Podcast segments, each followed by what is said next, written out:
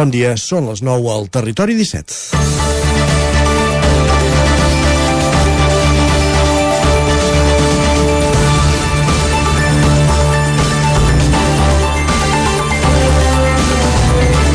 La restauració, la cultura i l'esport recuperaran a partir de demà el 100% de l'aforament. De fet, la principal restricció que quedarà vigent a partir d'ara per evitar el contagi de la Covid-19 serà la mascareta. Recuperar els aforaments és sinònim d'una certa normalitat a la que s'hi ha pogut arribar per l'elevat índex de vacunació. En breus moments sentirem la veu de representants de l'hostaleria i la cultura celebrant una mesura que ha de permetre alleujar els números de molts negocis i establiments. Ara bé, més enllà de la part social i econòmica, el conseller Argimon advertia divendres en una entrevista al Nou TV que l'època de l'any en què entrem ara, tardor-hivern, és la dels virus respiratoris i si la Covid-19 es queda, aquesta serà la seva època. És per això que el conseller vol ser prudent i no parlar de retirar la mascareta fins passat l'hivern. No només ens ajudarà amb la Covid, sinó també amb altres virus com la grip, els efectes de la qual, tal com, es, tal com també recordava el conseller, l'hivern passat van ser testimonials. Arribats aquí, celebrem aquest petit pas de gegant per la cultura, l'esport, la restauració i tots els seus potencials clients, que no són pas pocs, però conscients que hem de continuar sent pacients un temps més. Benvinguts al Territori 17, a la sintonia de Ràdio Cardedeu, la veu de Sant Joan, Ona Codinenca, Ràdio Vic, el 9 FM i el 9 TV. Territori 17, amb Isaac Moreno i Jordi Sunyer.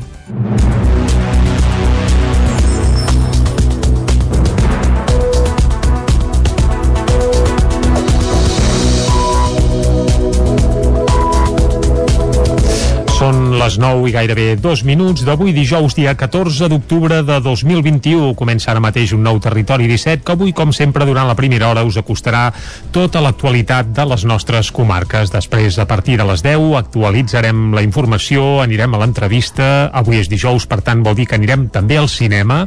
Isaac, ja estàs a punt, eh, d'anar al cine? Sí, sempre, eh? sempre. Val, val, perfecte, perfecte.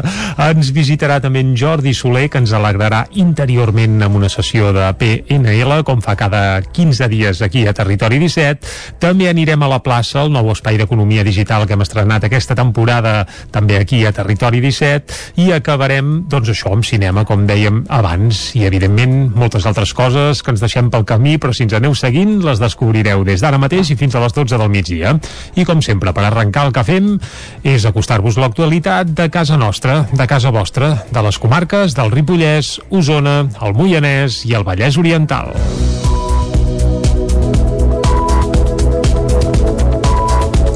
Dèiem a la portada, la restauració i la cultura recuperaran a partir de divendres el 100% de l'aforament. En el cas dels esports, els partits a l'exterior també recuperaran la totalitat de la seva capacitat i els interiors passen del 70 al 80%. El que no canvia en cap cas és l'obligatorietat de portar mascareta. Un pas de gegant per recuperar la normalitat. Amb aquestes paraules, aquest dimarts el president de la Generalitat, Pere Aragonès, anunciava l'aixecament de la majoria de restriccions derivades de la pandèmia que encara queden vigents. La mesura entrarà en vigor aquest divendres i afecta de ple el sector de la restauració, que podrà recuperar tant a dins com a fora el 100% de l'aforament. També tornen els horaris prepandèmics, fins ara limitats, a la una de la matinada. A més, no caldrà mantenir distància entre taules i desapareix el topall de comensals per taula, establert fins ara en un màxim de 10 persones. Les, la notícia eh, ha agradat al sector, a la comarca d'Osona, i l'ha rebut amb entusiasme. Antoni Dinarès és el gerent de l'Associació d'Empresaris d'Hostaleria i Turisme del Moianès i Osona. Ahir a la tarda ho, vaig, ho vàrem dir eh, via WhatsApp eh, tots els socis, és clar, la reacció va ser super positiva. O sigui, eh, a veure si d'una vegada eh, tornem a la normalitat no obstant això, des de l'Associació d'Empresaris d'Hostaleria i Turisme del Moianès i Osona demanen prudència fins que les noves mesures es publiquin al document oficial de la Generalitat de Catalunya i s'aclareixi, per tant, la lletra petita. Antoni Dinarès. Nosaltres tenim una colla de dubtes, per exemple, què passarà amb el ball de les festes, els banquets, etc. Dos, eh, eh, la recomanació de les monodosis de sal, d'oli, de eh, l'existència de revistes i diaris en els establiments d'hostaleria, això es recomanava que no hi fossin, i eh, sobretot eh, en l'àmbit dels hotels i alguns restaurants, què passarà amb els eh, bufets lliures, que ara havien de ser assistits i ara poder seran de lliure accés com eren abans. On també es podrà recuperar el 100% del públic autoritzat és el sector de la cultura. Montse Catllà, directora general de la Fundació L'Atlàntida de Vic, explica que l'aixecament de les mesures els ha permès reobrir ja la venda d'entrades fins a arribar al 100% de tots els espectacles, que després de, de superar el 70% de l'aforament, fins ara permès, ja havien penjat el cartell d'entrades exaurides. És el cas, per exemple, de Canto Jo i la muntanya Valla, l'espectacle previst a l'Atlàntida per aquest dissabte. Montse Catllà és la directora general de la Fundació L'Atlàntida. Sí que és veritat que els espectacles que ara estaven en un alt nivell d'ocupació, fins i tot amb entrades exaurides al 70%, com que ara s'obrirà al 100%, doncs hi haurà butaques eh, dispersades, no? I que per tant el que compra les entrades potser haurà d'adquirir-les eh, separadament o no, eh? Perquè eh, hi han configuracions molt diverses de, de l'aforament. L'aixecament de mesures també afecta arxius, biblioteques, museus, sales d'exposició, galeries d'art i actes esportius a l'aire lliure que recuperen el 100% de l'aforament. L'esport en espais tancats passa del 70 al 80% i l'oci nocturn, reobert dijous passat, manté el 70% i això sí, encara amb passaport Covid. Ho avançàvem ahir, mort un excursionista en caure d'uns 50 metres al Parc Natural del Montseny. La víctima estava fent una ruta en grup en una zona de difícil accés. Núria Lázaro, de Ràdio Televisió, Cardedeu. Un excursionista mort després de caure d'uns 50 metres en una zona de difícil accés al Parc Natural del Montseny a Gualba. La víctima estava fent una ruta en grup quan s'ha precipitat a prop del Gorg de la Goja des d'un corriol que surt al mirador i baixa cap a la zona del salt de l'aigua. Els bombers que van rebre l'avís poc abans de les 11 del matí van activar l'helicòpter de rescat amb la unitat sanitaritzada dels GRAE amb un metge del SEM i un vehicle lleuger terrestre de suport. Els efectius van iniciar la recerca de la persona accidentada seguint les indicacions dels testimonis i van fer una instal·lació de cordes fins a la llera del riu per poder accedir-hi. Una vegada el dispositiu va arribar al lloc de l'accident, amb molt poca visibilitat van constatar que l'excursionista era mort. Davant la impossibilitat d'evacuar el cos en helicòpter per la dificultat d'accés a la zona, els efectius de muntanya dels bombers van assegurar la víctima i juntament amb efectius dels Mossos que van desplaçar a la zona cinc dotacions van extreure amb cordes fins a un punt on l'helicòpter ja va poder actuar. Cinc mesos després que el Departament de Justícia iniciés les obres de reforma de la Casa Serra i Moret de Vic amb l'objectiu d'ampliar els jutjats de la capital d'Osona, des de la setmana passada ja hi ha començat a operar el jutjat de primera instància instrucció número 6. El Departament de Justícia ha posat en marxa a la segona planta de l'edifici de Casa Serra i Moret el jutjat d'instrucció i primera instància número 6. Aquesta nova sala ha de permetre descongestionar l'acumulació d'assumptes civils i penals que fins ara entomaven els altres cinc jutjats que hi ha a la capital d'Osona. En l'àmbit civil es farà càrrec de conflictes entre particulars o entitats, reclamacions econòmiques, desnonaments, incapacitacions de persones, contractes de compra-venda, herències i arrendaments. I en el vessant penal assumirà la instrucció de casos amb delictes lleus o casos que acabaran sent jutjats en d'altres òrgans judicials com l'Audiència Provincial. Eusebi Pedrós és el secretari per a l'Administració de Justícia.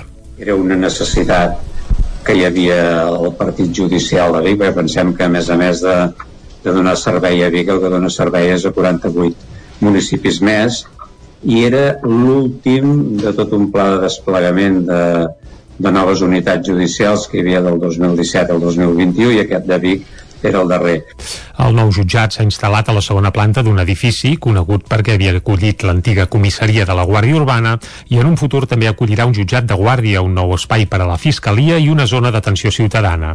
La casa Serra i Moret és de propietat municipal i les obres, amb un cost total d'1,4 milions d'euros, han de culminar amb la connexió interior entre els dos edificis. En el disseny de les noves instal·lacions s'ha tingut en compte la protecció de les víctimes del delicte, unes deficiències que van provocar que des de l'octubre de 2019 no se celebrin vistes a Vic i es traslladessin a Manresa. Eusebi Camp de Pedrós. Permet eficienciar molt recursos humans i recursos materials, ja sortim del model clàssic de jutge, jutjat únic tancat, sinó que hi ha una sèrie de serveis comuns i a més a més també, i molt important, també estan adaptats en els casos de judicis amb, amb víctimes, dones víctimes de violència masclista, menors, doncs amb espais adaptats perquè tal aquestes víctimes tinguin la deguda empara, tinguin la deguda intimitat i en cap cas no puguin coincidir ni trobar-se amb el seu, amb el que havia estat el seu agressor Un altre dels problemes que aquestes noves instal·lacions haurien de solventar és la poca consolidació dels jutges que desenvolupen la seva carrera a Vic. Tot i les millores a les instal·lacions actuals, des del Col·legi d'Advocats de Vic no renuncien a aconseguir un palau de justícia per al partit judicial biguetà. El Tribunal Superior de Justícia de Catalunya ha condemnat a l'empresa mixta Vicbert a pagar un 30% de les prestacions de la Seguretat Social a la vídua de Lluís Bernoles, mort el 2019 atropellat per una furgoneta de l'empresa. La sentència, però, encara no és, ferm, no és ferma i es podria recórrer. El Tribunal Superior de Justícia de Catalunya ha condemnat a l'empresa mixta de recollida i serveis de jardineria Vicbert per provocar l'accident d'un treballador el mes de març de 2018. Lluís Bernoles va morir al carrer de la Riera de Vic, atropellat per la camioneta amb què ell i un operari recollien vidres dels establiments. El vehicle es va desfrenar al mig del carrer i Bernoles va intentar aturar-lo per evitar que continués el seu descens. Una primera sentència d'un jutjat social de Granollers eximia l'empresa de responsabilitats i acusaven els operaris de no haver actuat de forma correcta. Un perquè va aturar la camioneta només amb el fre de mà i sense deixar una marxa posada, i l'altre, al finat, per haver intentat enfilar-se al vehicle quan aquest es precipitava carrer avall. El Tribunal Superior de Justícia de Catalunya, en canvi, considera que aquestes causes van ser precisament les que van provocar la mort de Bernoles. Apunten que Vicbert no havia fet el manteniment del vehicle i que per aquest motiu estava en mal estat. El Tribunal imposa per aquests fets un recàrrec a Vicbert del 30% de la Seguretat Social a la vídua vídua del treballador mort. En el darrer ple celebrat a Vic, Esquerra Republicana i Capgirem Vic van reclamar a l'equip de govern, accionista de l'empresa Vicbert, juntament amb la Fundació Sant Tomàs, que no presenti recurs a la sentència per respectar el dolor de la família de Bernoles. Els dos grups confien que l'Ajuntament demanarà a Vicbert que aturi el recurs per tal que la família pugui cobrar les indemnitzacions. La tria de mulats d'Espinavell reuneix uns 300 caps de bestiar d'aquí, de 13 explotacions. Isaac Muntades, des de la veu de Sant Joan. Després que la Covid-19 obligués a cancel·lar l'edició del 2020, aquest dimecres al matí es va tornar a celebrar la tria de mulats d'Espinavell a Molló. El certamen s'ha celebrat amb força normalitat i només les mascaretes delataven l'existència de la pandèmia. Enguany van baixar uns 300 caps de bestiar aquí de la muntanya de 13 explotacions de Molló, Llanàs i del nucli de Freixenet, a Camprodon. L'alcalde Josep Coma va comentar que algun escamot no havia baixat perquè havia estat complicat girar-lo i que hi havia dues explotacions de Freixenet que no havien vingut. Una perquè no tenia prou gent per portar els pollins i l'altra perquè ara té vaques. El dia va ser esplèndid i la tria de mulats va ser força concorreguda, però sense aglomeracions. Hi ha hagut els autobusos des de Molló fins a la Fira, tot eh, pel que jo sé i m'han dit ha anat tot eh, bé, vull dir que el pàrquing l'hem emplenat, com sempre, vull dir que aquest any no, eh, perquè gent pujant amb l'autobús em deien no, no, vull dir, arribaves, et carregava l'autobús, tot acabàvem d'esperar que es mitja, que s'emplenés i pujàvem, vull dir que potser aquest any el que no hi ha hagut a veure es veia menys gent, suposo que calculem entre 2-3 mil persones, però sí, clar, hi ha menys gent que de fet també ha anat bé perquè no hi hagués tantes aglomeracions. Temps de Covid no, no ha pas anat malament i avui no deixa de ser un dilluns després de quatre dies de pont, per tant és un dia una mica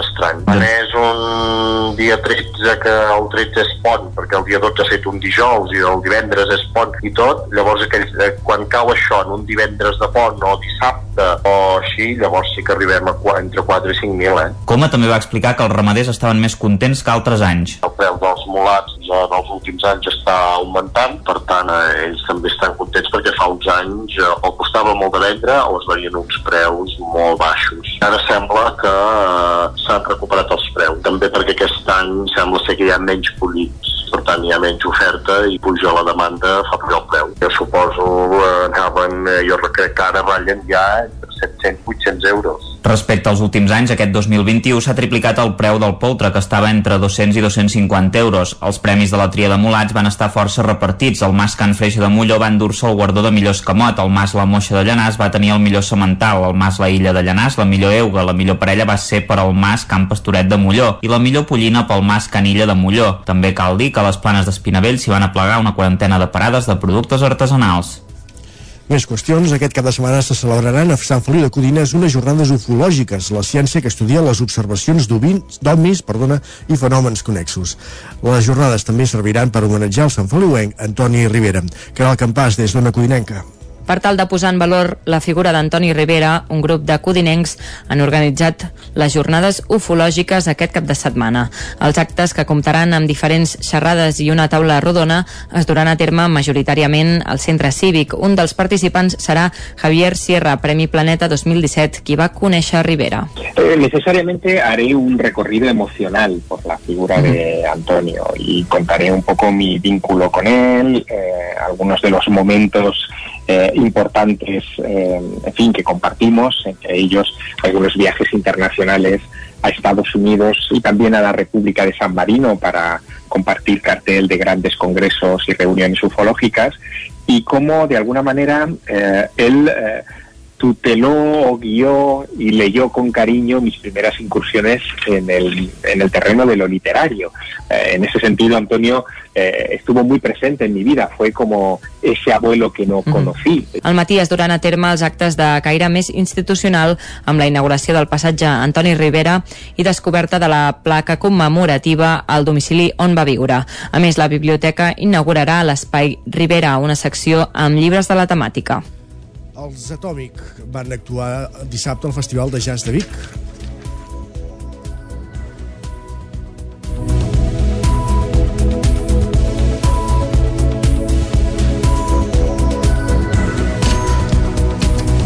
Els Atòmic van actuar dissabte al Festival de Jazz de Vic.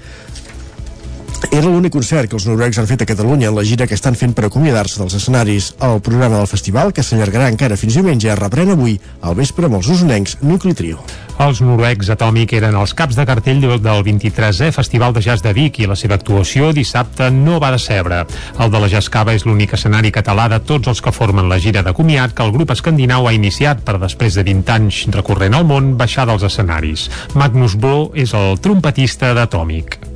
Well, it's, uh, I don't really La decisió de deixar els escenaris es deu bàsicament a la inquietud d'un dels membres del grup de fer coses noves per diferents motius. La resta ho hem acceptat i ara estem fent la nostra última gira. El 21 de desembre està previst que fem l'últim concert.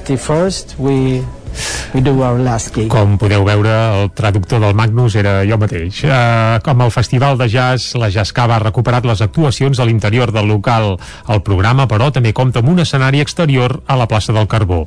De l'arrencada del festival, l'organització en fa una valoració molt positiva. Joan Rial és membre de la Junta de la Jazzcava de Vic. i la veritat és que estem molt contents de com està anant és un moment doncs, que la cultura sembla que es torna, que es torna a obrir nosaltres hem plantejat un, un festival de jazz com era prepandèmia amb concerts fora l'escenari a l'Ambra i a dins a, a dins a la Cava realment estem molt contents de la rebuda del públic tant a nivell d'entrades com de lo que estan disfrutant dels concerts El programa reprendrà aquest dijous de la mà dels usonencs Guillem Plana, Aleix Forts i David Vinyoles, membres de Nucli Trio, un dels grups residents de la Jazz Cava.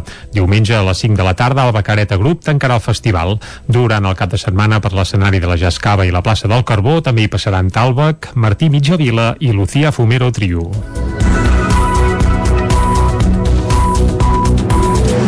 Acabem el repàs informatiu d'aquesta hora al Territori 17, moment ara de conèixer la previsió meteorològica.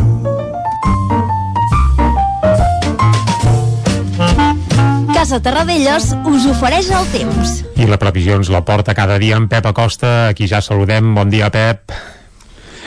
Hola, molt bon dia. I molt bona hora. Amics oients, què Mhm. tal esteu? Bé. Uh, col·laboradors del programa, gràcies per fer possible aquest programa.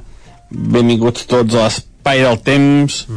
Un espai del temps que és, uh, és que no, no hi ha cap moviment, uh, és super monòton.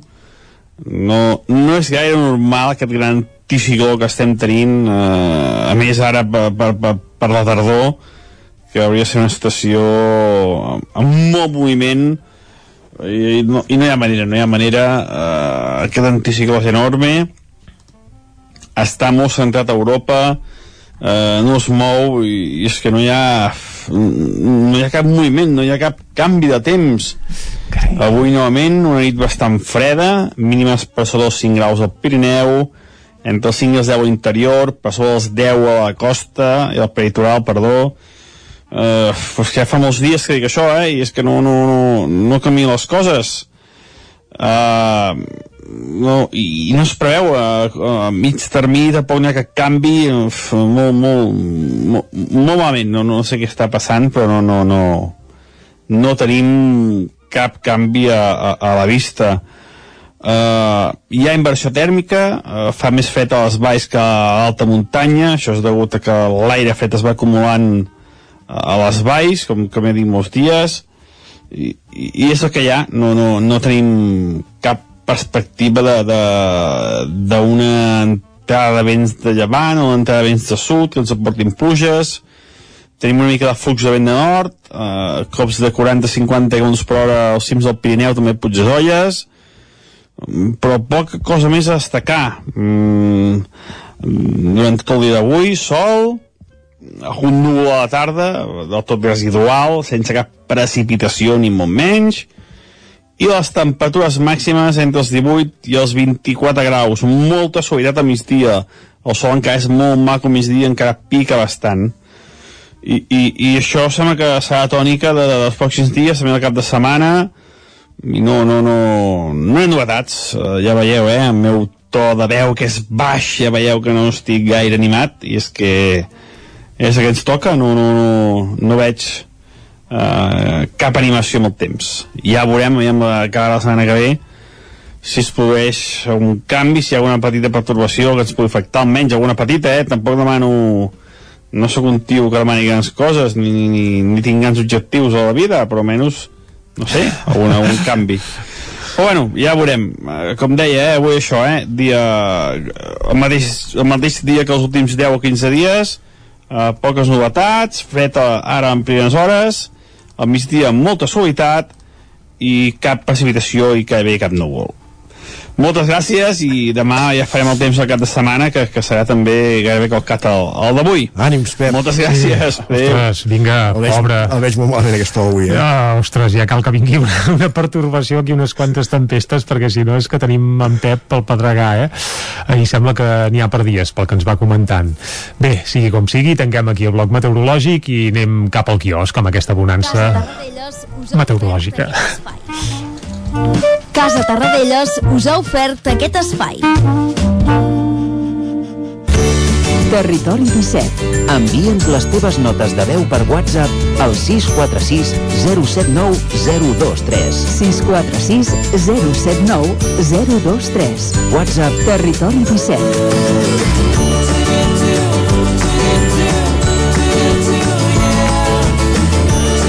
Territori 17. Som a Facebook, Twitter i Instagram amb l'usuari Territori 17.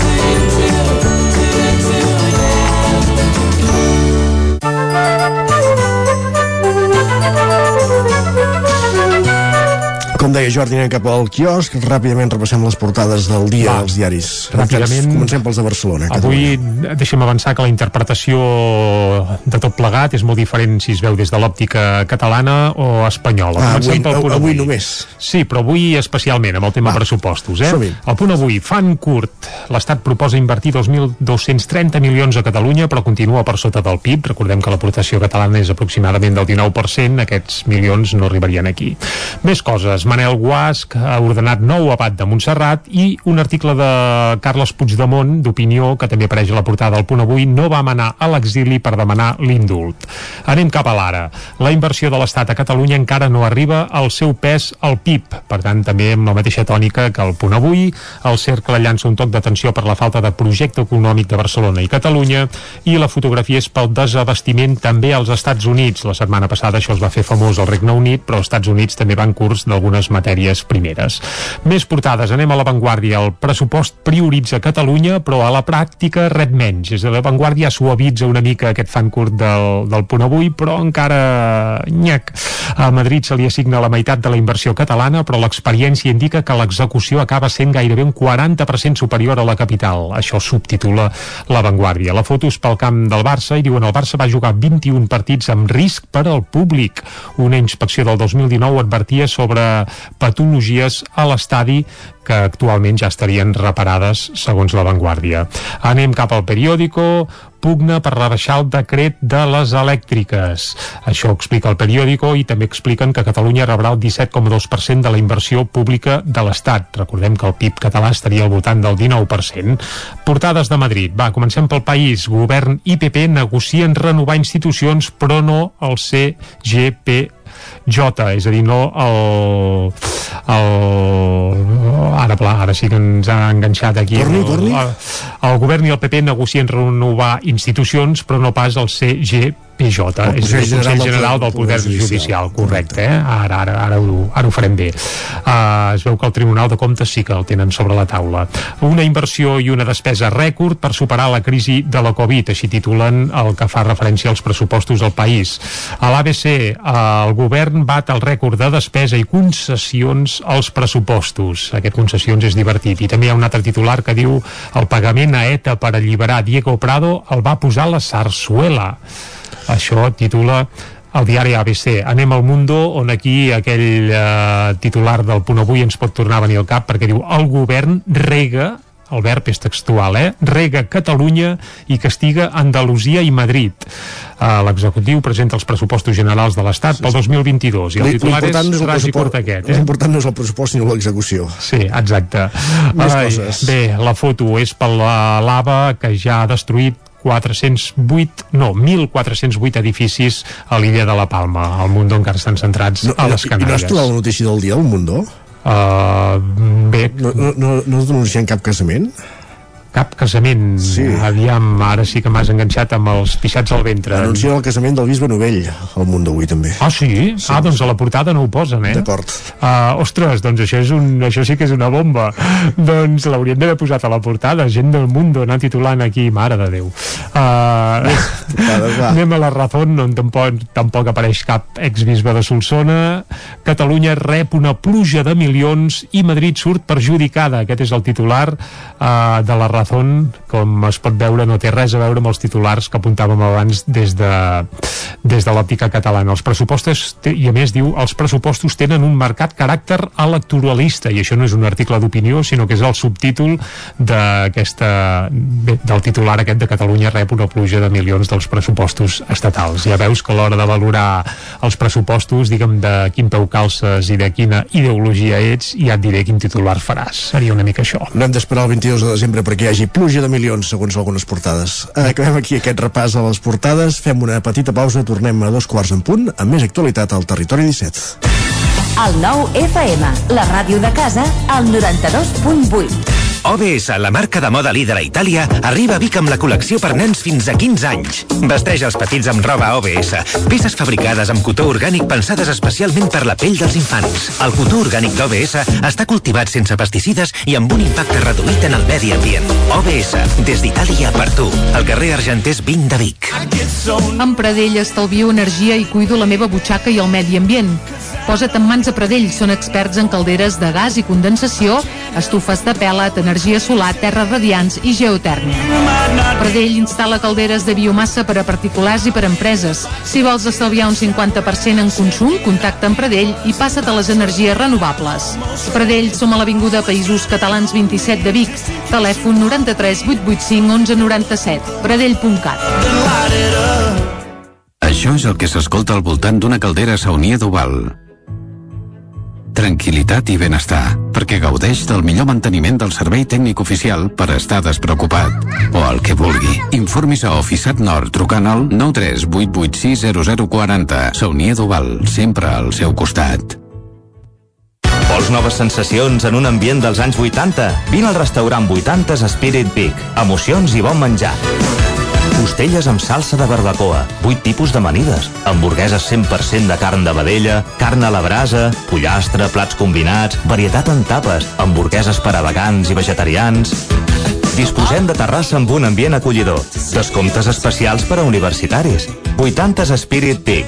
Ens trobaràs a la plaça de la Pietat 2 de Vic. Reserves al 93 679 44 43.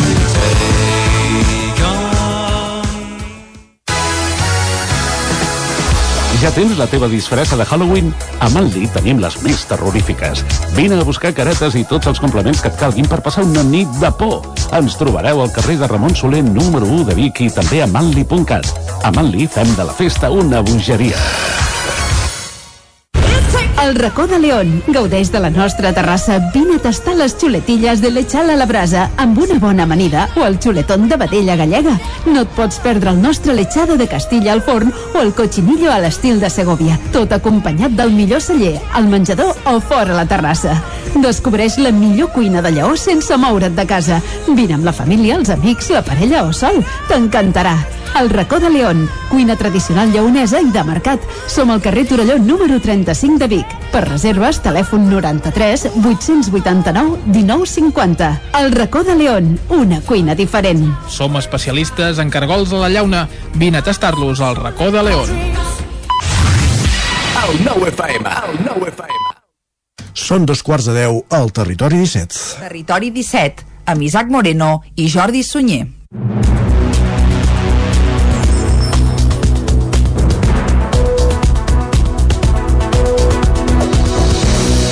I a dos quarts de deu el que toca de seguida és acostar-vos de nou tota l'actualitat de les nostres comarques i després ja us avisem una mica del menú que ens espera fins a les 12 del migdia. Abans de les 10 hi posarem una mica de música, avui una estrena mundial de seguida descobrirem quina Ai, ai, ai, després frisa frises, no? La veritat és que és, és, és una bomba gairebé, eh? però deixem una mica, posem-hi una mica d'emoció i no diguem res més, va.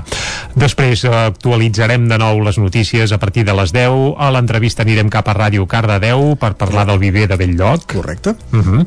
A més a més, uh, ens visitarà en Jordi Soler, que ens alegrarà interiorment amb les seves sessions de PNL. També anirem cap a la plaça, el nou espai d'economia digital que hem estrenat aquesta temporada aquí a Territori 17. Avui parlarem de comissions. Comissions. Poca broma. Uh, D'això els bancs en són autèntics experts. Precisament. I cada cop més, perquè ens hem d'enganyar. Anirem a la R3 també i per acabar anirem al cinema, perquè som Sitges, dijous... perquè Per segona setmana consecutiva.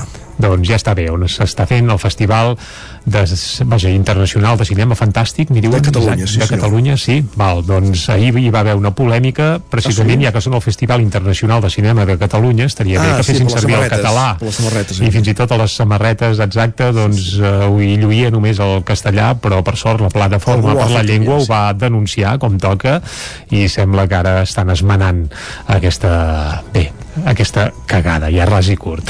Dit això, va, el que toca ara mateix és acostar-vos de nou l'actualitat de casa nostra, de les comarques del Ripollès, Osona, el Moianès i el Vallès Oriental.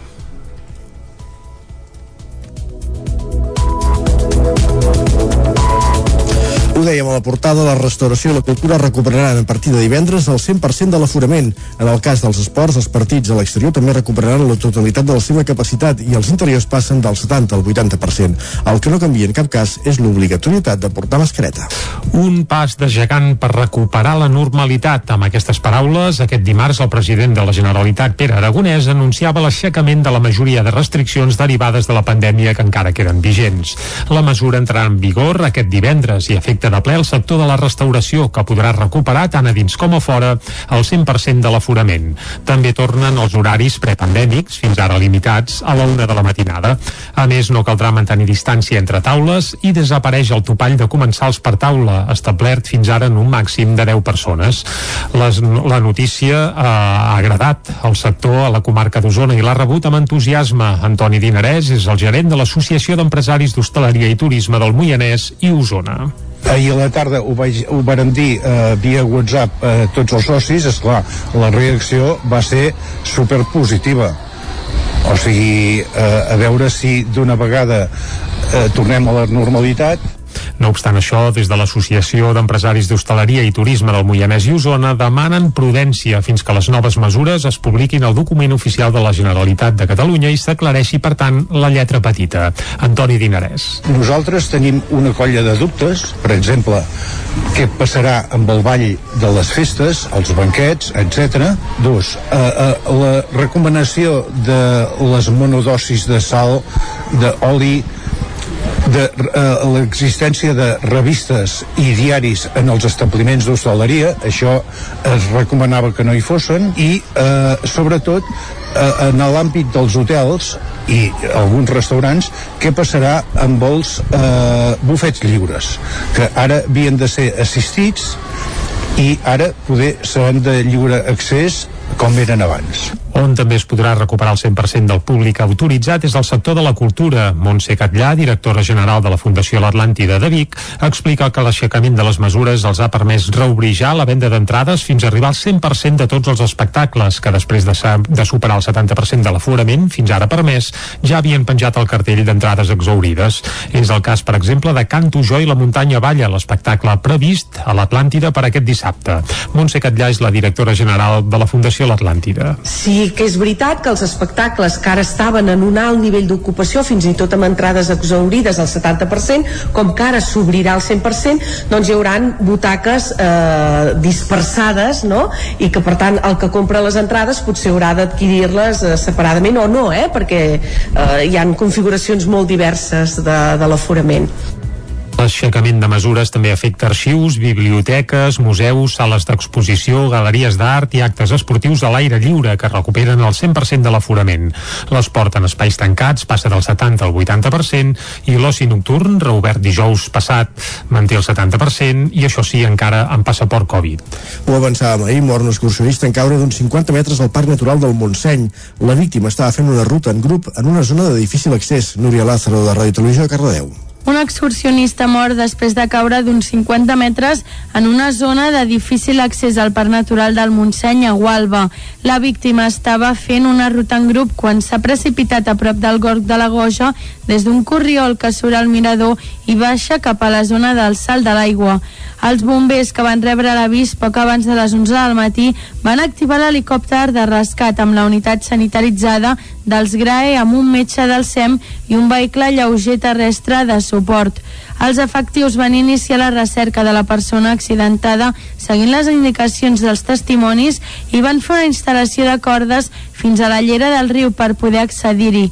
Una vegada el dispositiu va arribar al lloc de l'accident, amb molt poca visibilitat van constatar que l'excursionista era mort. Davant la impossibilitat d'evacuar el cos en helicòpter per la dificultat d'accés a la zona, els efectius de muntanya dels bombers van assegurar la víctima i juntament amb efectius dels Mossos que van desplaçar a la zona cinc dotacions van extreure-la amb cordes fins a un punt on l'helicòpter ja va poder actuar. Cinc mesos després que el Departament de Justícia iniciés les obres de reforma de la Casa Serra i Moret de Vic amb l'objectiu d'ampliar els jutjats de la capital d'Osona, des de la setmana passada ja hi ha començat a operar el jutjat de primera instància instrucció número 6. El Departament de Justícia ha posat en marxa a la segona planta de l'edifici de Casa Serra i Moret el jutjat d'instrucció i primera instància número 6. Aquesta nova sala ha de permetre descongestionar l'acumulació d'assumptes civils i penals que fins ara entomaven els altres cinc jutjats que hi ha a la capital d'Osona. En l'àmbit civil es farà càrrec de conflictes entre particulars o entitats, reclamacions econòmiques, desnonaments, incapacitacions de persones, contractes de compra-venda, herències i arrendaments. I en el vessant penal assumirà la instrucció de casos amb delictes lleus o casos que acabaran sent jutjats en d'altres òrgans judicials com l'Audiència Provincial. Eusebi Campdepadrós és el secretari per a l'Administració de Justícia. Era una necessitat que hi havia al partit judicial de Vic, perquè pensem que a més a més de, de donar servei a Vic, el que dona servei és a 48 municipis més, i era l'últim de tot un pla de desplegament de, de noves unitats judicials que hi havia del 2017 al 2021 i aquest de Vic era el darrer. El nou jutjat s'ha instal·lat a la segona planta d'un edifici conegut perquè havia acollit l'antiga comissaria de la Guàrdia Urbana i en un futur també acollirà un jutjat de guàrdia, un nou espai per a la Fiscalia i una zona d'atenció ciutadana. La casa Serra i Moret és de propietat municipal i les obres, amb un cost total d'1,4 milions d'euros, han de culminar amb la connexió interior entre els dos edificis.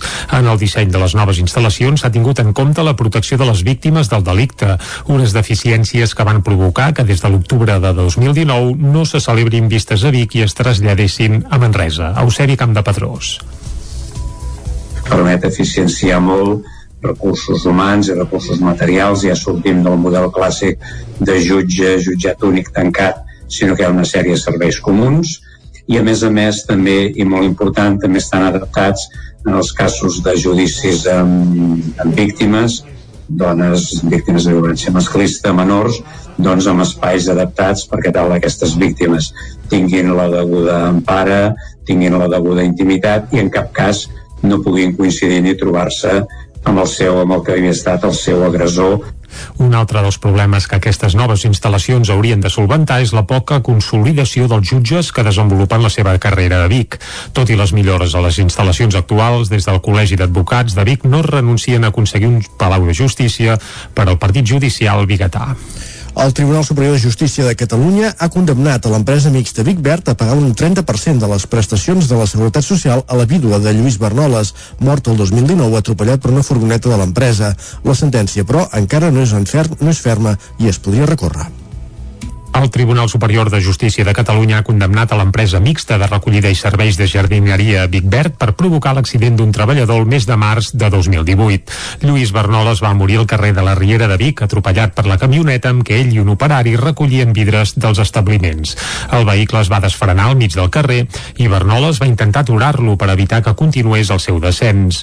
Una primera sentència d'un jutjat social de Granollers eximia l'empresa de responsabilitats i acusaven els operaris de no haver actuat actuat de forma correcta.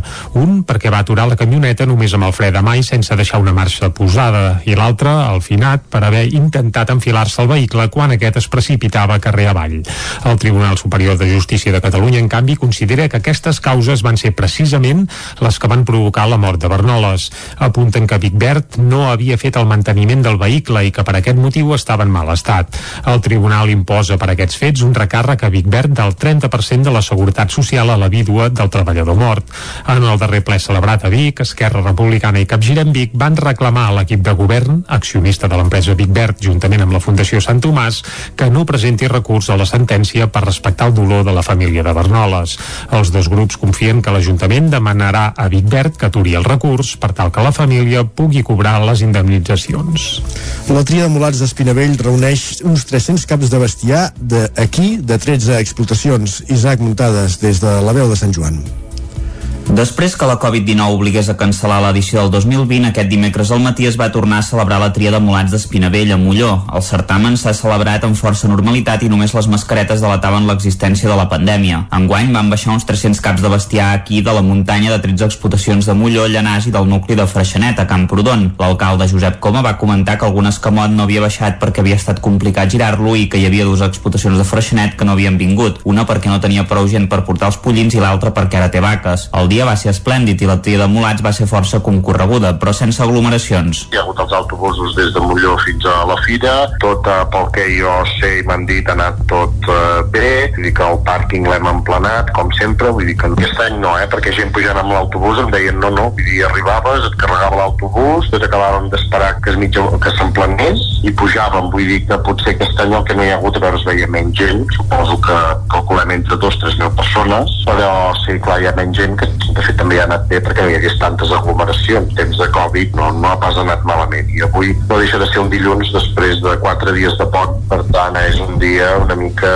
estrany. És un dia 13 que el 13 és pont, perquè el dia 12 ha fet un dijous i el divendres és pont i tot, llavors aquell, eh, quan cau això en un divendres de pont o dissabte o així, llavors sí que arribem a entre 4 i 5 mil, eh? Coma també va explicar que els ramaders estaven més contents que altres anys. El preu dels mulats en els últims anys està augmentant, per tant eh, ells també estan contents perquè fa uns anys eh, o costava molt de vendre o es venien uns preus molt baixos. Ara sembla que eh, s'han recuperat els preus, també perquè aquest any sembla ser que hi ha menys pollits, per tant hi ha menys oferta i puja la demanda fa pujar el preu. Jo suposo eh, anaven, eh, jo crec que ara ballen ja entre 700-800 euros. Respecte als últims anys, aquest 2021 s'ha triplicat el preu del poltre, que estava entre 200 i 250 euros. Els premis de la tria de mulats van estar força repartits. El Mas Can Freixa de Molló va endur-se el guardó de millor escamot, el Mas La Moixa de Llanàs va tenir el millor semental, el Mas La Illa de Llanàs la millor euga, la millor parella va ser per al Mas Can Pastoret de Molló i la millor pollina pel Mas Canilla de Molló. També cal dir que a les planes d'Espinavell s'hi van aplegar una quarantena de parades de productes artesanals.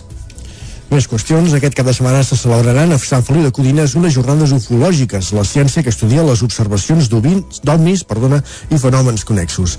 Les jornades també serviran per homenatjar el Sant Feliuenc Antoni Rivera, que era el campàs des d'Ona Codinenca.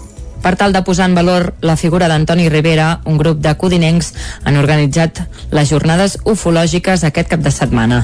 Els actes, que comptaran amb diferents xerrades i una taula rodona, es duran a terme majoritàriament al centre cívic. Un dels participants serà Javier Sierra, Premi Planeta 2017, qui va conèixer Rivera. Eh, necesariamente haré un recorrido emocional por la figura de Antonio y contaré un poco mi vínculo con él, eh, algunos de los momentos eh, importantes, eh, en fin, que compartimos, entre ellos algunos viajes internacionales a Estados Unidos y también a la República de San Marino para compartir cartel de grandes congresos y reuniones ufológicas.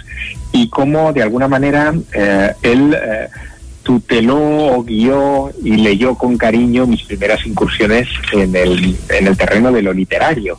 Eh, en ese sentido, Antonio eh, estuvo muy presente en mi vida, fue como ese abuelo que no conocí. Al matí es duran a terme els actes de caire més institucional amb la inauguració del passatge Antoni Rivera i descoberta de la placa commemorativa al domicili on va viure. A més, la biblioteca inaugurarà l'espai Rivera, una secció amb llibres de la temàtica. Els Atòmic van actuar dissabte al Festival de Jazz de Vic.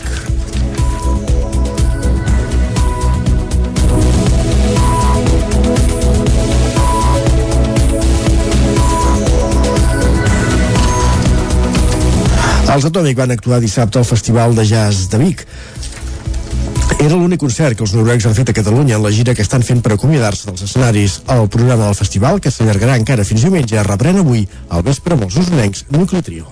Els noruecs Atòmic eren els caps de cartell del 23è Festival de Jazz de Vic i la seva actuació dissabte no va decebre. El de la Jazz és l'únic escenari català de tots els que formen la gira de comiat que el grup escandinau ha iniciat per després de 20 anys recorrent el món baixar dels escenaris. Magnus Bro és el trompetista d'Atòmic. Well, it's, uh, I don't really La decisió de deixar els escenaris es deu bàsicament a la inquietud d'un dels membres del grup de fer coses noves per diferents motius. La resta ho hem acceptat i ara estem fent la nostra última gira.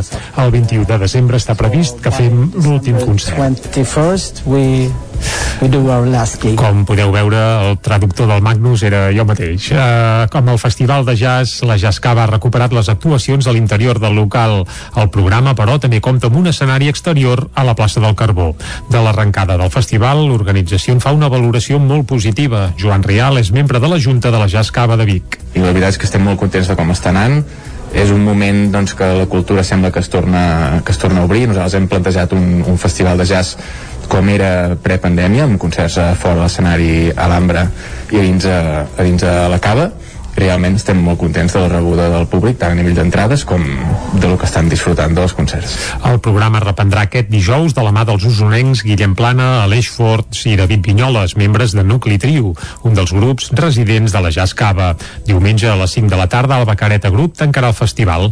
Durant el cap de setmana per l'escenari de la Jazz Cava i la plaça del Carbó també hi passaran Talbec, Martí Mitjavila i Lucía Fumero Trio.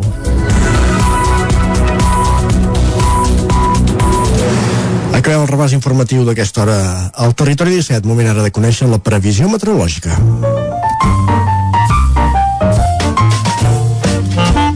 Casa Terradellos us ofereix el temps. I la previsió ens la porta cada dia en Pep Acosta. Aquí ja saludem. Bon dia, Pep. Hola, molt bon dia. I molt bona hora. Amics oients, què Mm. tal esteu? Bé. Uh, col·laboradors del programa, gràcies per fer possible aquest programa. Benvinguts tots a l'espai del temps. Un espai del temps que és, uh, és que no, no hi ha cap moviment, uh, és super monòton. No, no és gaire normal aquest gran anticicló que estem tenint, uh, a més ara per, per, per, per la tardor, que hauria de ser una estació amb, molt moviment i no, i no hi ha manera, no hi ha manera uh, aquest anticicló és enorme està molt centrat a Europa uh, no es mou i, i és que no hi ha no hi ha cap moviment, no hi ha cap canvi de temps avui novament una nit bastant freda mínimes per sota dels 5 graus al Pirineu entre els 5 i els 10 a l'interior per sota dels 10 a la costa i al peritoral, perdó Uh, ja fa molts dies que dic això, eh? I és que no, no, no, no canvien les coses. Uh, no, i, i no es preveu a, a mig termini de poc cap canvi uf, molt, molt, molt, molt malament no, no sé què està passant però no, no, no, no tenim cap canvi a, a, a la vista.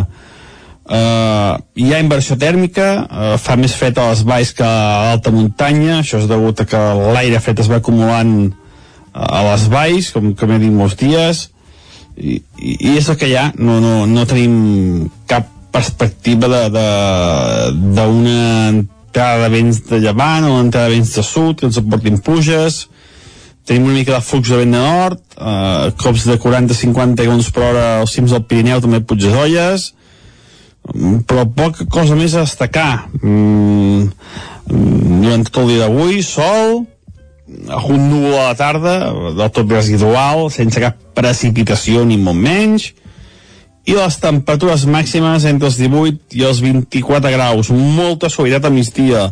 El sol encara és molt maco a migdia encara pica bastant. I, i, i això sembla que serà tònica de, de, dels pròxims dies també el cap de setmana.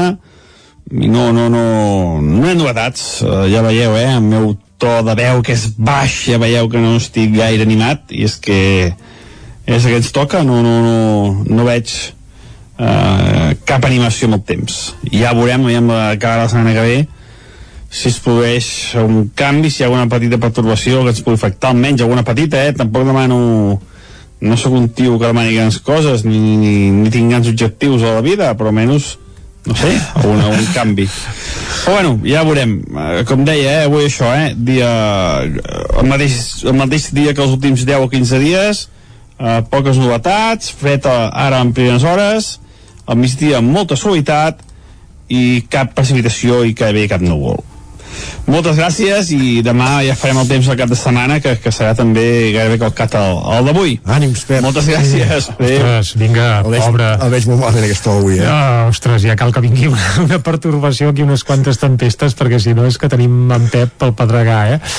i sembla que n'hi ha per dies pel que ens va comentant. Bé, sigui com sigui, tanquem aquí el bloc meteorològic i anem cap al quiosc amb aquesta bonança meteorològica Casa Tarradellas us ha ofert aquest espai.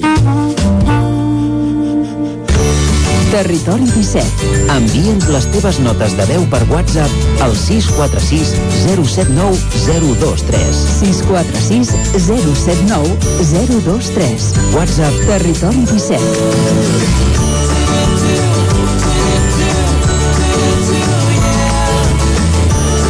Territori 17. Som a Facebook, Twitter i Instagram amb l'usuari Territori 17.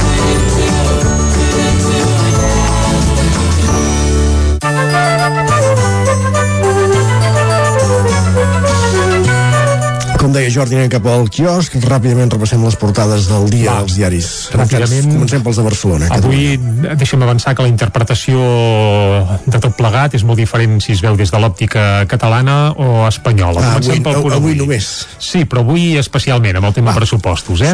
El punt avui, fan curt. L'Estat proposa invertir 2.230 milions a Catalunya, però continua per sota del PIB. Recordem que l'aportació catalana és aproximadament del 19%. Aquests milions no arribarien aquí. Més coses. Manel Guasc ha ordenat nou abat de Montserrat i un article de Carles Puigdemont d'opinió que també apareix a la portada del punt avui no va manar a l'exili per demanar l'indult. Anem cap a l'ara. La inversió de l'Estat a Catalunya encara no arriba al seu pes al PIB. Per tant, també amb la mateixa tònica que el punt avui, el cercle llança un toc d'atenció per la falta de projecte econòmic de Barcelona i Catalunya i la fotografia és pel desabastiment també als Estats Units. La setmana passada això es va fer famós al Regne Unit, però als Estats Units també van curs d'algunes matèries primeres. Més portades, anem a l'avantguàrdia. El pressupost prioritza Catalunya, però a la pràctica rep menys. És a l'avantguàrdia suavitza una mica aquest fan curt del, del punt avui, però encara nyac. A Madrid se li assigna la meitat de la inversió catalana, però l'experiència indica que l'execució acaba sent gairebé un 40% superior a la capital. Això subtitula l'avantguàrdia. La foto és pel camp del Barça i diuen el Barça va jugar 21 partits amb risc per al públic. Una inspecció del 2019 advertia sobre patologies a l'estadi que actualment ja estarien reparades segons l'avantguàrdia. Anem cap al periòdico pugna per rebaixar el decret de les elèctriques.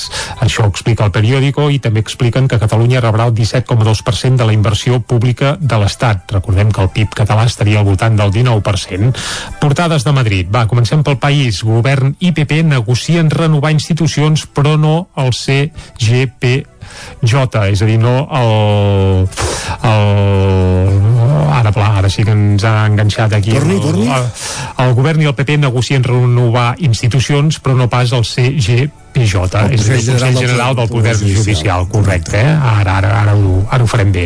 Uh, es veu que el Tribunal de Comptes sí que el tenen sobre la taula. Una inversió i una despesa rècord per superar la crisi de la Covid, així titulen el que fa referència als pressupostos al país. A l'ABC, uh, el govern bat el rècord de despesa i concessions als pressupostos. Aquest concessions és divertit. I també hi ha un altre titular que diu el pagament a ETA per alliberar Diego Prado el va posar la Sarsuela. Això titula el diari ABC. Anem al Mundo, on aquí aquell eh, titular del punt avui ens pot tornar a venir al cap perquè diu el govern rega el verb és textual, eh? Rega Catalunya i castiga Andalusia i Madrid. Uh, L'executiu presenta els pressupostos generals de l'Estat pel 2022 i el titular és és el ras i pressupost, cortaquet, eh? l'important no és el pressupost sinó l'execució. Sí, exacte. Més coses. Bé, la foto és per la lava que ja ha destruït 408, no, 1.408 edificis a l'illa de la Palma. Al Mundo encara estan centrats No, a les I no Canàries. has trobat la notícia del dia del Mundo? Uh, bé, No, no, no, no es denuncien cap casament? Cap casament. Sí. Aviam, ara sí que m'has enganxat amb els pixats al ventre. Denuncien el casament del bisbe Novell al Mundo avui també. Ah, sí? sí? Ah, doncs a la portada no ho posen, eh? D'acord. Uh, ostres, doncs això, és un, això sí que és una bomba. doncs l'haurien d'haver posat a la portada, gent del Mundo, anar titulant aquí, mare de Déu. Uh, anem a la raó, on tampoc, tampoc apareix cap exbisbe de Solsona. Catalunya rep una pluja de milions i Madrid surt perjudicada. Aquest és el titular uh, de la raó, com es pot veure, no té res a veure amb els titulars que apuntàvem abans des de, des de l'òptica catalana. Els pressupostos, i a més diu, els pressupostos tenen un marcat caràcter electoralista, i això no és un article d'opinió, sinó que és el subtítol d'aquesta del titular aquest de Catalunya rep una pluja de milions dels pressupostos estatals. Ja veus que a l'hora de valorar els pressupostos, diguem, de quin peu calces i de quina ideologia ets, ja et diré quin titular faràs. Seria una mica això. No hem d'esperar el 22 de desembre perquè hi hagi pluja de milions, segons algunes portades. Pluja per això, per pluja anava a dir Isaac, a mi m'ha deixat això tocat bé, tocat no, eh, el tema del bisbe de Solsona, eh, no. que ja vol passar per la vicaria, però clar, intueixo que per la vicaria no, ho No, deu fer no, no, ho fa pel civil. pel civil, eh, clar, això ja és que ja seria el sumum total Doncs, com dèiem, segons ha explicat el Mundo, ha sol·licitat la documentació necessària Mhm. per poder-se casar amb la seva parella per la via civil. Així doncs, Novell i la psicòloga i escriptora Sílvia Collol van registrar el passat 7 d'octubre al registre civil de Súria la sol·licitud per contraure matrimoni. Doncs des d'aquí per molts anys i que els hi vagi molt bé, només faltaria, i tant que sí. I dit això, uh, Isaac, no parlem més de pressupostos. Parlem de música. I parlem de música, exacte. Però deixa'm fer una falca, eh? Recordem que una cosa és pressupostar i l'altra és executar, perquè els últims anys de pressupostos amb inversions a Catalunya n'hi ha hagut uns quants, el que passa que després mires els números i resulta que l'execució sovint és ridícula i no arriba ni al 20% del que s'ha pressupostat.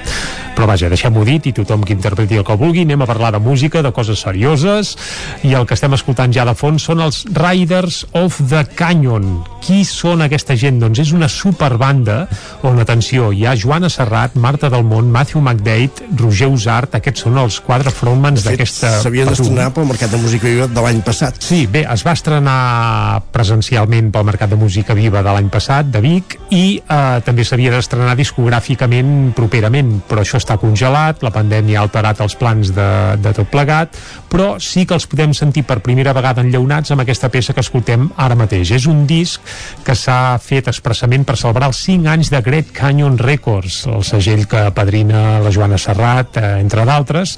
Doncs aquest dissabte havien de fer una festa eh, per celebrar els 5 anys del segell, on, entre d'altres, amb, aquest, eh, amb aquesta festa s'editava un disc dels 5 anys, amb rareses, etc, amb peces descartades d'altres músics i amb l'estrena del Riders of the Canyon.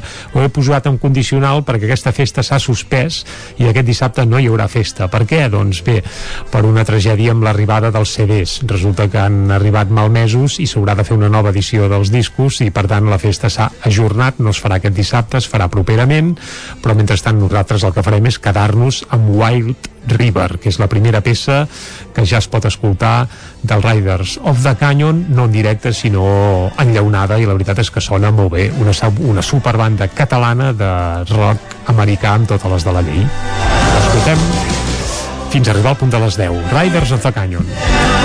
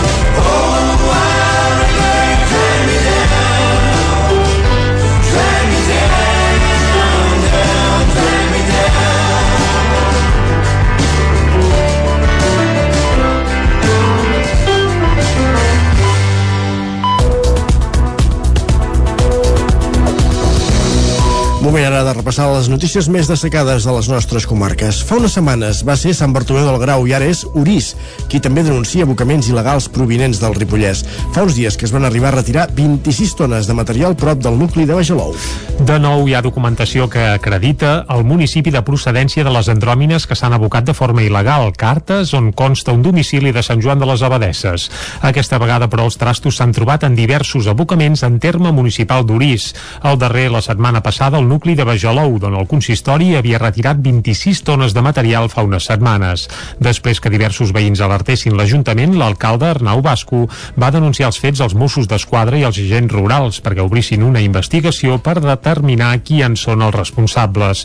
Segons Basco, el primer abocament en aquesta zona es va detectar a mitjans de setembre i es va anar fent gran fins a arribar a les 26 tones que es van acabar retirant. Hi van trobar des de matalassos, mantes o quadres fins a una pila amb desenes de caixes de plàstic amb ampolles d'aigua amb gas, a banda de la documentació de persones del Ripollès. Després de la denúncia van iniciar el protocol per retirar els trastos, del qual el consistori ha hagut d'assumir tot el cost. Fa 15 dies, des de Sant Bartomeu del Grau, també denunciaven fets similars que van posar en coneixement dels agents rurals amb proves del mateix origen dels trastos, un fet que també s'havia detectat a d'altres municipis del Lluçanès com Perafita i Oristà. La comissaria dels Mossos d'Esquadra Vic compta amb 16 nous agents des d'aquesta setmana. El conseller d'Interior, Joan Agnès i Helena, va presentar dilluns a Manresa el desplegament de nous efectius dels Mossos d'Esquadra a la Catalunya central. En total són 77 nous agents.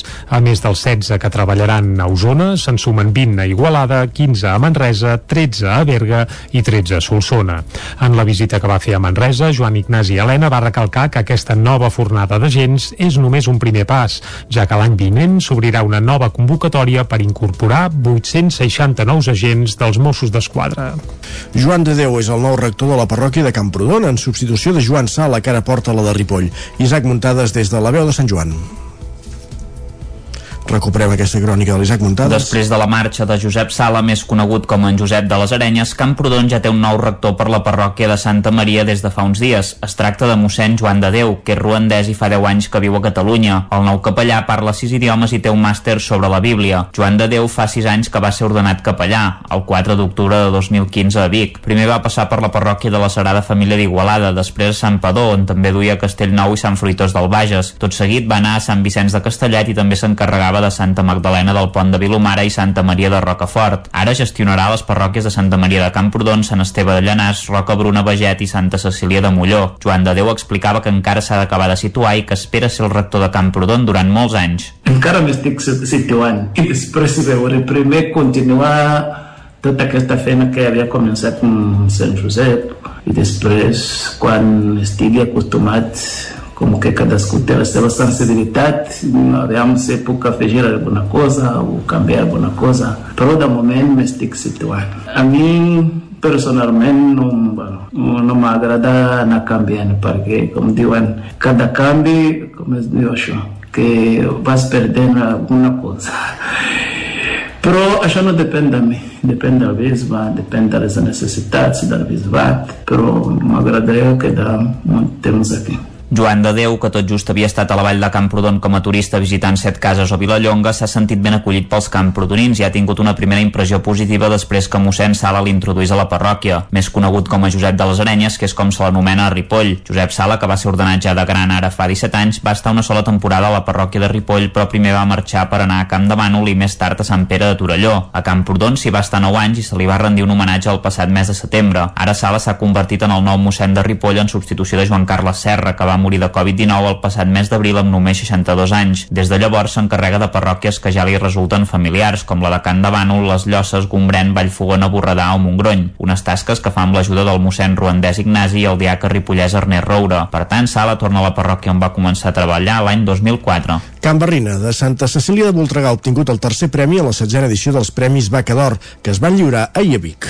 L'explotació amb la millor puntuació ha estat la ramaderia Cantós, de Tordera, que ha guanyat el Premi Vaca d'Or amb una puntuació d'1,76. Darrere seu, amb el Vaca Plata, hi ha quedat Ramaderia Aníbal de Lleida, amb 1,74. I la Vaca de Bronze ha estat, com dèiem, per l'usonenca Can Barrina, que ha obtingut una puntuació d'1,44. Eduard Vila és el responsable de Can Barrina. És un reconeixement a tota la feina ben feta durant molt de temps. Uh, això és un agraïment, res més. Uh, llavors cadascú a casa ens trobem els problemes diaris que tenim. L'acte de lliurament dels guardons Vaca d'Or, que convoca la Federació Frisona de Catalunya, es va fer ahir a l'Auditori del Sucre de Vic i van rebre guardons les 20 explotacions més millors de Catalunya pel que fa al vacum de llet. Entre aquestes n'hi havia 7 més d'Osona. El SAT Vilatortella, de Gurb, Magistern de Vic, la Cavalleria de Manlleu, l'Homet de Balanyà, Mas Montells de Malla, el Morucuc de Gurb i el Camp Gran de Manlleu, que va quedar en 17a posició. La trobada a Vic coincideix amb un moment complicat pel sector lleter, que continua produint per sota del preu de cost. Ho explica Josep Revés, president de la Federació de Frisona de Catalunya. El que està clar és que nosaltres ens han pujat al 30% el cost de produir un litre de llet i no ho podem aplicar el que és el consumidor final. Com tot està pujant, nosaltres no. Llavors estem produint sota pèrdues i no sé fins a on el sector primari de, del vacú de llet podrem subsistir amb els preus actuals. L'any passat els Premis Vaca d'Or es van lliurar de forma telemàtica per culpa de la pandèmia. Esports. Granollers es vesteix de gala quan falten 53 dies per l'inici del Mundial d'handbol femení. La Porxada ha acollit un acte amb jugadores d'altres esports com a protagonistes. Núria Lázaro, de Ràdio Televisió de Cardedeu. La plaça de la Porxada de Granollers va acollir divendres a la tarda l'acte inaugural de la localitat ballesana com a seu del Campionat del Món d'handbol femení. A només 53 dies de l'inici de la cita mundial, la capital del Vallès Oriental ha celebrat una jornada en què han tingut protagonisme les jugadores de diversos clubs de la ciutat, la dansa i entitats com els Xics o les timbaleres dels Diables de Granollers. A la presentació de la cita mundialista es va comptar amb diverses jugadores del CAC 7 Balomano Granollers com la Martina Capdevila, la cadet Júlia Montplet i la Montse Cladelles. Totes van mantenir un diàleg conductor de l'acte i en acabar Jordi Serra ballant-se unes pilotes d'handbol per destapar unes primeres pancartes on es veien cares de noies esportistes d'altres disciplines. També va haver-hi les actuacions de grups de danses urbanes de la ciutat, Maguels de l'escola Misona i Guacho Fleiva de l'escola quilòmetre 13 Dance Studio. En el torn dels parlaments, el president de la Federació Espanyola d'Handbol, Francisco Blázquez, Va destacar que aquest campionat del món és un homenatge per a tot l'embol femení, un reconeixement per a jugadores actuals i un llegat per al futur. Per la seva banda, Josep Mallorà, l'alcalde de Granollers, va destacar una dada que posa la localitat en l'èlit mundial i és que només dues ciutats han estat seu de Jocs Olímpics mundials d'handbol masculí i femení. Una és Munic i l'altra Granollers. Tornen els dos dies de trial dels cingles de Sant Feliu de Codines, una prova esportiva que va començar a celebrar-se l'any 1972 i que ara feia 12 anys que no es duia a terme. Canal Campàs, des d'Ona Codinenca. Els pròxims 16 i 17 d'octubre, Sant Feliu de Codines acollirà de nou aquesta emblemàtica prova esportiva referent en el món del trial, un recorregut pels exteriors naturals del poble i d'altres localitats que comptarà també amb una zona indoor a la plaça de l'Ajuntament. A pocs dies de començar, Albert Esteve de Motoclub Cingles explica per què s'han passat de 3 a 2 dies de prova. Efectivament, eh, sí, perquè per molt que ens sembli que és el mateix, no és el mateix, les, les normatives han canviat, als ajuntaments no hi ha la mateixa gent, no hi ha els mateixos tècnics, els propietaris alguns han canviat, Um, sí, és, és molt difícil trencar aquesta, aquesta, aquesta roba. Per això també vam decidir fer dos dies en comptes de tres perquè, perquè si no era voler fer una cosa massa grossa d'un inici Per tal de treballar per preservar el medi natural, des de l'organització expliquen que duran a terme diverses mesures. nosaltres mirem de fer-ho eh, amb el màxim respecte que podem. Hem, hem pres moltes mesures. Per poder combatre això hem, hem, hem pres moltes mesures. Em poso una d'exemple que és que no, hi, no poden haver-hi seguidors perquè era una cosa que, que provocava que hi haguessin moltes motos voltant i ara doncs, vaig d'aquí a l'altre punt passant pel mig de no sé quants terrenys. Tot, tot això ho, ho, hem, ho hem tallat precisament per intentar trobar un punt de consens no? Les places per inscriure's ja s'han tancat amb un total de 115 corredors. El circuit de trial tindrà 60 zones diferents, 30 per dia, passant per Gallifa, Sant Feliu de Codines, Sant Quirze de Safaja i Caldes de Montbui. Gràcies, Caral. I a la pàgina cultural, els Atòmic van actuar dissabte al Festival de Jazz de Vic, que era l'únic concert que els noruecs han fet a Catalunya en la gira que estan fent per acomiadar-se dels escenaris. El programa del festival, que s'allargarà encara fins diumenge, reprèn avui amb el concert dels usonencs Nucli Trio. Els noruecs Atòmic eren els caps de cartell del 23è Festival de Jazz de Vic i la seva actuació dissabte no va decebre. El de la Jazz Cava és l'únic escenari català de tots els que formen la gira de comiat que el grup escandinau ha iniciat per després de 20 anys recorrent el món baixar dels escenaris. Magnus Bro és el trompetista d'Atòmic. Well, it's, uh, I don't really La decisió de deixar els escenaris es deu bàsicament a la inquietud d'un dels membres del grup de fer coses noves per diferents motius. La resta ho hem acceptat i ara estem fent la nostra última gira. El 21 de desembre està previst que fem l'últim concert. 21st, we, we do our last gig. Amb el Festival de Jazz, la Jazz Cava de Vic ha recuperat les actuacions a l'interior del local. El programa, però, també compta amb un escenari exterior, el de la plaça del Carbó. De l'arrencada del festival, l'organització en fa una valoració molt positiva. Joan Rial és membre de la Junta de la Jazz Cava de Vic. I la veritat és que estem molt contents de com està anant és un moment doncs, que la cultura sembla que es torna, que es torna a obrir. Nosaltres hem plantejat un, un festival de jazz com era prepandèmia amb concerts a fora de l'escenari a l'Ambra i a dins, a, a dins de la Cava. Realment estem molt contents de la rebuda del públic tant a nivell d'entrades com de lo que estan disfrutant dels concerts El programa es reprendrà avui dijous de la mà dels usonencs Guillem Plana, Aleix Forts i David Vinyoles, membres de Nucli, Tio, de Nucli Trio, ja ho direm bé, un dels grups residents de la Jazz Cava. El concert, per cert, començarà a les 8 del vespre i servirà també per, per, per, per presentar el primer disc d'aquesta formació usonenca. Diumenge a les 5 de la tarda, el Bacareta Group tancarà el festival durant el cap de setmana per l'escenari de la Jazz Cava i la plaça del Carbó. També hi passaran Taubac, Martí Vi, Mitja Vila i Lucía Fumero Trio.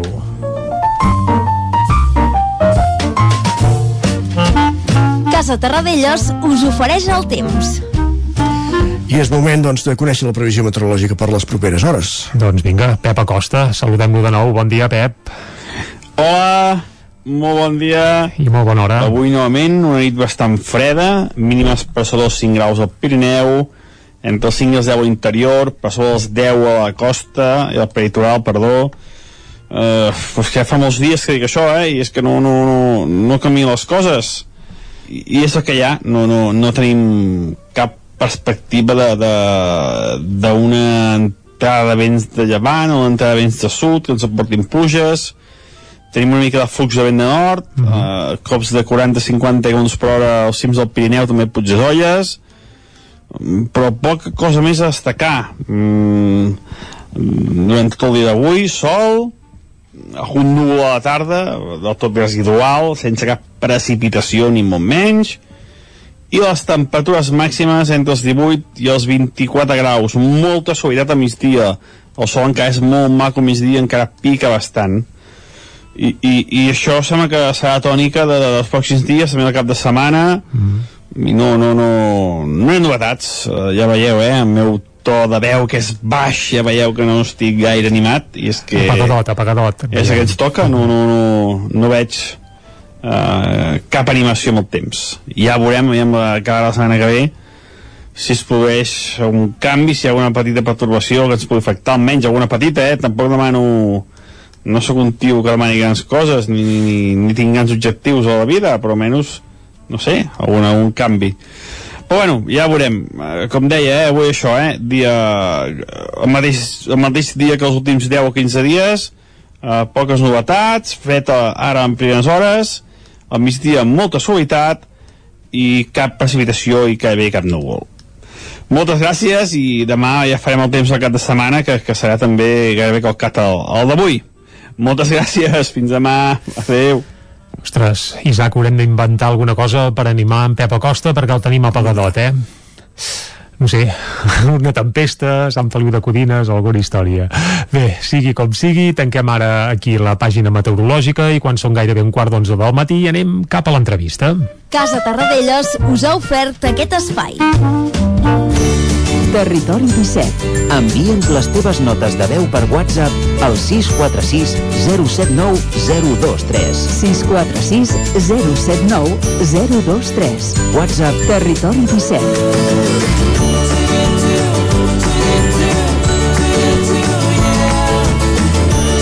Territori 17. Som a Facebook, Twitter i Instagram amb l'usuari Territori 17.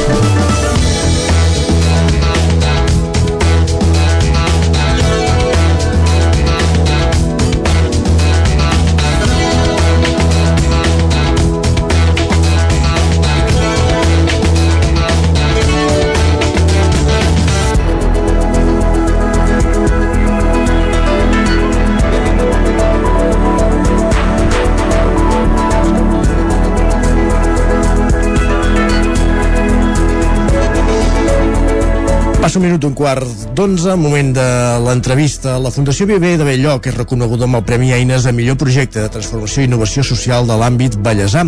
El Premi Eines ha estat impulsat per la Càtedra d'Emprenedoria i Innovació, ja ho direm bé, social de la Universitat Autònoma de Barcelona.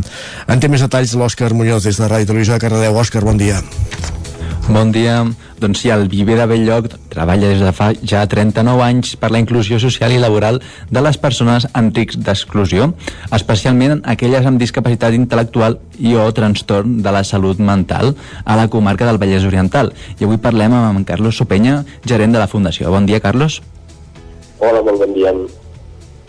Primer de tot, doncs, felicitats per aquest premi, per aquest projecte i per tota la feina feta, que ja esteu a, a tot arreu, sense anar més lluny, eh, l'altre dia al Jazz de Xoc, que aquí ja vam fer alguna entrevista eh, amb els responsables, però bueno, això que esteu a tot arreu. Explica'ns una miqueta el, el projecte aquest que li ha valgut el Premi Eines. En què consisteix?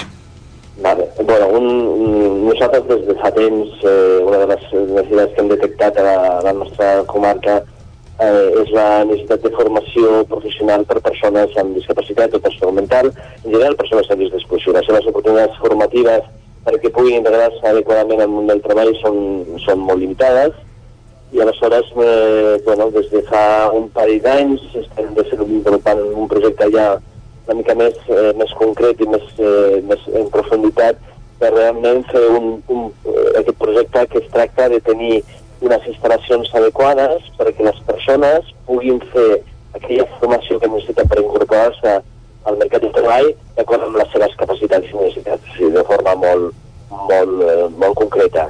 Doncs, bueno, és un projecte que, que estem desenvolupant en una nau que tenim a, a Llinars del Vallès, al polígon Mugent, que, on hem fet una sèrie d'obres d'adequació per tenir aules de formació, per tenir un servei nostre d'integració al mercat ordinari, mica i aleshores altres espais on puguin eh, també fer activitats de, de, de, de, de centre ocupacional per a aquells nois i noies que surten de l'escola, que tenen capacitat de treball i eh, encara necessiten un període més, més ampli de, de formació perquè puguin aconseguir la seva inserció laboral. Uh -huh. Què significa per la Fundació aquest reconeixement, a part de la injecció econòmica que entenc que permet consolidar el projecte, no?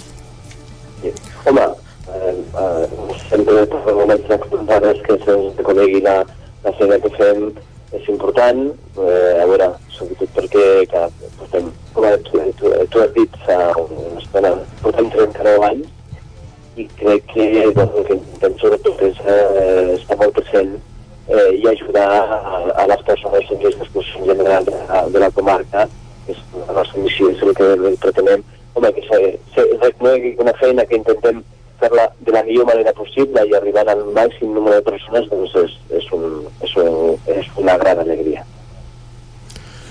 Has dit que... Digues, digues. Ah, sí, el procés, encara està en procés, has dit aquesta, el, el, el projecte. En quina fase es troba em, exactament? A veure, aquí, eh, a veure, nosaltres ja des de fa temps fem diferents projectes eh, formatius, eh? o sigui, no és una cosa nova, eh, tant per als joves, en projectes singulars, com a projectes també financers per la Fundació, per la Fundació 11, com el mateix que són entitats col·laborades en formació ocupacional, aleshores, bueno, el que ara hem fet és concentrar totes les situacions en aquesta nau de, Llinars. Ah, és, és, un, és, una, és un projecte que, que, bueno, que ens ha costat molt, o sigui, aquests dos anys últims estem treballant amb, ell i encara no hem fet cap difusió concreta, sigui que a, el mes de març de l'any passat vam adquirir una nau eh, a, a Llinars, i aquesta nau mm -hmm. el que estem construint és tota una, una planta de quasi 600 metres quadrats on aniran a parar tots aquests serveis. I bueno, estem finalitzant les obres i, bueno, i ara doncs, aquests recursos que ens han eh, donat des de des de, la, des d'aquesta càtedra d'innovació i d'economia social de l'OB doncs també serviran per doncs, completar tots els equipaments que necessitarem allà.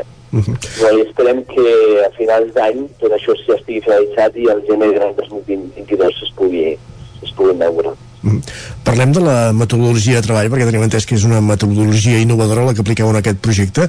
Ens, pots, ens en pots fer cinc cèntims en què, en què consisteix i amb quins objectius? Bueno, és una metodologia molt simple, que és, que és eh, simplement que la, les persones tothom, a tothom ens passa, però les persones que tenen algun tipus de discapacitat, això es pot aplicar a qualsevol tipus de col·lectiu, eh, al final eh, les persones aprenen amb la pràctica, eh, i sobretot amb les persones amb dificultat que la teoria i els seus, eh, les seves capacitats eh, i competències de lectoescriptura a vegades són limitades, doncs el poder, o sigui, al final és una metodologia que es basa en això, en l'aprenentatge la, en a través de la pràctica. Doncs tindrem una aula de simulació on, on simulem en l'àmbit en l'àmbit industrial els diferents processos que, que, que, que participen en, la, en, en tot l'àmbit industrial, en aquesta aula, on les persones podran practicar amb coses reals eh, el que després veuran a, a l'àmbit industrial. Eh, doncs, des de temes de premses, d'envasadores, eh, màquines que eh, en, una, en, en una part molt, molt àmplia de la indústria es trobaran. I en aquesta aula de simulació, eh, bueno, com has comentat ara mateix, doncs això, es trobaran eh, casos reals o més o menys reals no? ja per després sortir en el món laboral eh, per estar més preparats, diguem. Exactament, o sigui, hi ha una part, hi ha una part o sigui, d'aquesta pràctica dintre d'aquesta aula i després això es trasllada en la part real, tant en pràctiques en, en llocs de treball concrets, també vinculats a després a cursos de formació ocupacional concrets que, que farem. En principi ja tenim, tindrem aules homologades en el, de, de, de certificats de professionalitat en l'àmbit també industrial, i aleshores el que, també el que volem aconseguir que les persones que passin per les nostres instal·lacions també aconsegueixin una cosa que molt, és molt important, que aconsegueixin un títol oficial de formació professional, en aquest cas de certificat de professionalitat. Moltes vegades les persones amb discapacitat tampoc poden, poden obtenir una titulació oficial i això també per ells és un, és un gran èxit. Per acabar, abans d'acabar l'entrevista, eh, Carlos, ens agradaria fer un repàs a, a la feina de, del Viver Belllloc. No sé si ens pots avançar dades d'usuaris de, de l'any passat, fer-nos una idea de la gent que heu atès o inserit laboralment en un any complet com va ser el, el 2020 per la Covid-19. Sí, el 2020, bueno, el, el que vam aconseguir, o sigui, tenim dues vessants importants d'inserció, que és el treball, que és la pròpia del nostre centre especial de treball, on el que vam fer l'any passat. Bueno, va ser mantenir la, la plantilla, van incrementar, jo crec que en dues persones de la plantilla 1 de gener a 30 de desembre del 2020, i el que sí que, i és un tema que crec que estem molt satisfets, i malgrat tota la crisi, el que vam aconseguir és inserir també el mercat de treball ordinari i bastantes persones. Ara et parlo de memòria, però jo crec que va ser 49 en tot l'any, eh, que es van poder incorporar temporal o definitivament en algun lloc de treball per nosaltres és, és molt important. S'ha de, de, de, de, de, eh, mencionar que nosaltres participem en dos programes concrets. Un és el, eh, un programa finançat pel Departament de Treball, que és el, el, el, el es diu CIOAS, que està dirigit sobretot a persones amb discapacitat. I després també eh, participem en el programa Incorpora de la Caixa, que és tot un sistema de una xarxa d'intermediació laboral que funciona a tota Catalunya, podem dir, a tot l'estat espanyol, però sobretot a Catalunya, que a través del qual no, no només treballem amb persones amb discapacitat, però també amb, amb altres persones en risc d'exclusió, i això fa que també eh, les possibilitats d'inserció hagin augmentat i aleshores eh, hem tingut aquest número important de persones inserides. Uh -huh. Carlos Openya, eh, director de la, de la Fundació Belllloc, gràcies per ser avui amb, amb nosaltres per, per uh, i felicitats per, per aquest reconeixement rebut i també per valorar una mica la, la situació de l'entitat i de, de la feinada de que feu. Moltíssimes gràcies i fins aviat. Moltes gràcies, Òscar, a vosaltres. Doncs Òscar, també ho deixem aquí aquesta entrevista eh, tornem en altres moments al Territori 17 fins ara mateix.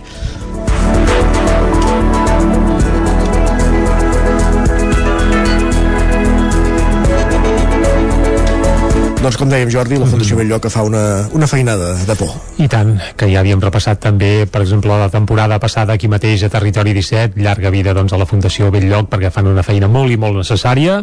I, I ara parlant anem... de feina, Isaac, en tenim també en encara, tenim, eh? Exacte, una pausa tot seguit i anirem per les piolades, la taula de redacció, passarem per la plaça, aquest espai d'economia mm. digital amb la Maria López, parlarem, com dèiem, de comissions. De, de comissions. comissions.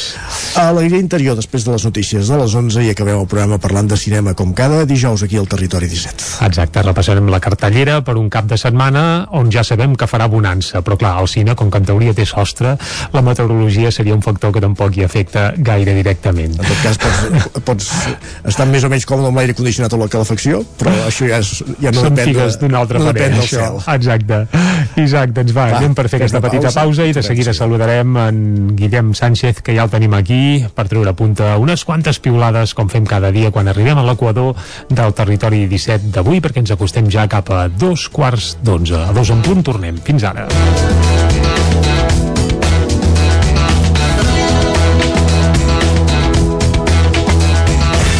El nou FM, la ràdio de casa, al 92.8. Cefusol, centre de formació de soldadura GURB. Som especialistes en processos de soldadura. Disposem d'instal·lacions totalment equipades per classes de teòrica i pràctica amb cabines individuals i equipaments de seguretat. Assessorem empreses i oferim cursos subvencionats i bonificats. Vine i t'informarem. Cefusol, som al carrer Sant Roc número 21 de GURB. Telèfon 664 206 192. També ens trobaràs a cefusol.com i a YouTube. El 23 i 24 d'octubre la castanya torna a ser protagonista de Viladrau. Arriba la 26a Fira de la Castanya, una mostra única i sorprenent al voltant de la castanya, la tardor i el territori.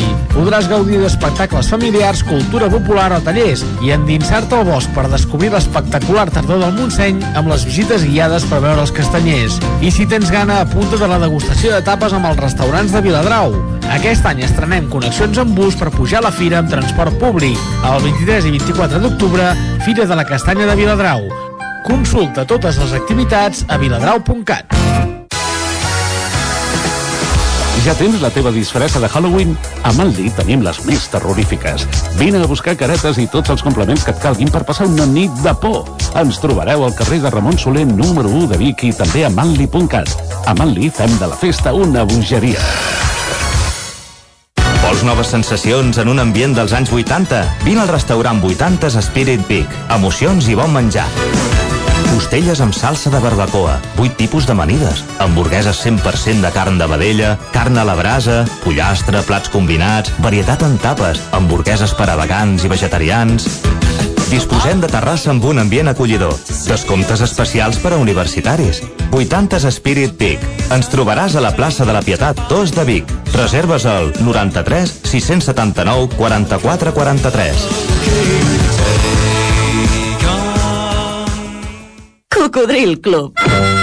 Si t'agrada la bona música dels anys 60, 70 i 80, escolta el 9 FM els matins de dissabtes i diumenges d'11 a 1. És el temps del Cocodril Club, tot un clàssic de la ràdio, amb les bases del pop-rock, les llegendes, les cançons que s'han convertit en autèntics himnes. Recorda, dissabtes i diumenges al matí, d'11 a 1, al 9 FM 92.8. Cocodril Club, el programa revival de l'Albert Malla. Hasta luego, cocodrilo.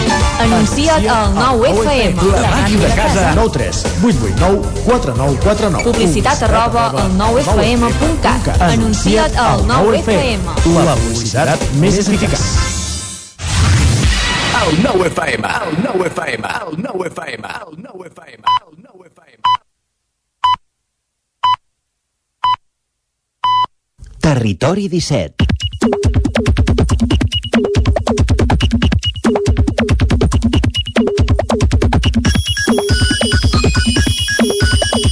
Dos quarts de deu en punt del matí, aquesta música que ens porta cada dia a capbussar-nos a Twitter amb en Guillem Sánchez, oi Jordi? Sí, exacte, no som dos de deu, sinó dos quarts d'onze, eh? Eh, és que de el temps, sí, el temps passa molt de Passa molt pressa, cap Isaac, la- és que... cap a la palma. És que no som res, no som res. Arribem a l'equador del territori 17 i, com sempre, en Pensa, aquest pensa, punt... si en dos de deu hauríem de tornar a, a fer, per exemple, l'entrevista amb en Carlos Sopella, que ha estat molt interessant i valdria molt la pena repetir-la.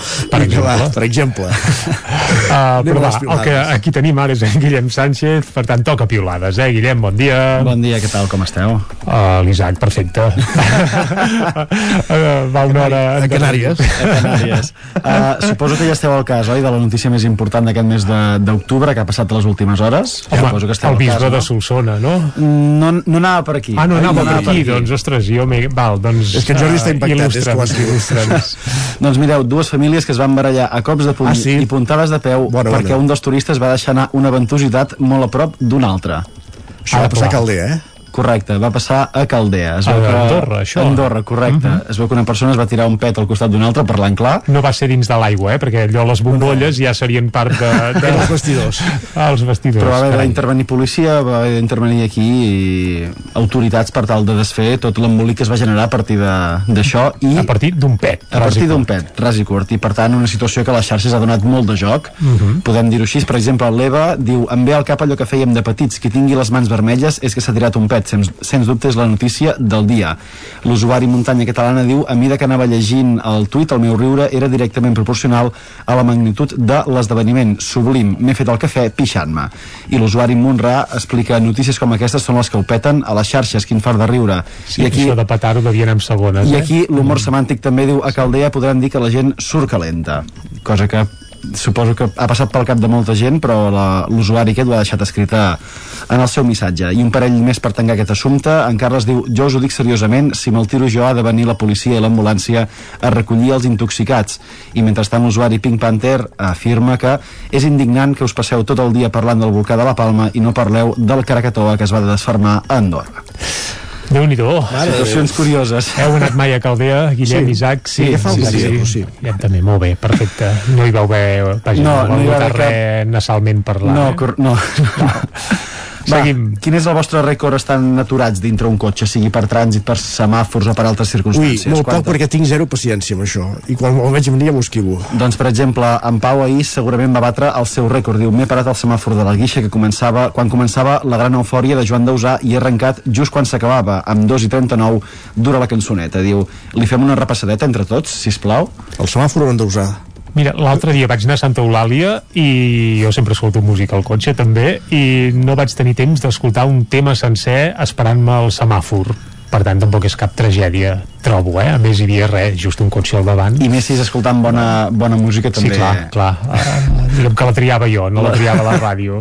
L'estona passa més ràpid, doncs. Entregues però que en Marc li respon, diu, a la pròxima parada prova de passar el rosari. Amén. És una manera també de, de passar aquesta estona. O que escolti temes de més de 3 minuts i després ja no tindrà la sensació de que he escoltat una cançó sencera amb un semàfor, Per que exemple. també és una altra opció. Però vaja. Qui també es va parar i per voluntat pròpia va ser en Jesús en un lloc del qual diu que en va marxar ben ràpid. Comenta, parem a l'àrea del Montseny de l'autopista per a prendre un refrigeri, tot en castellà i en anglès, ni una paraula en català.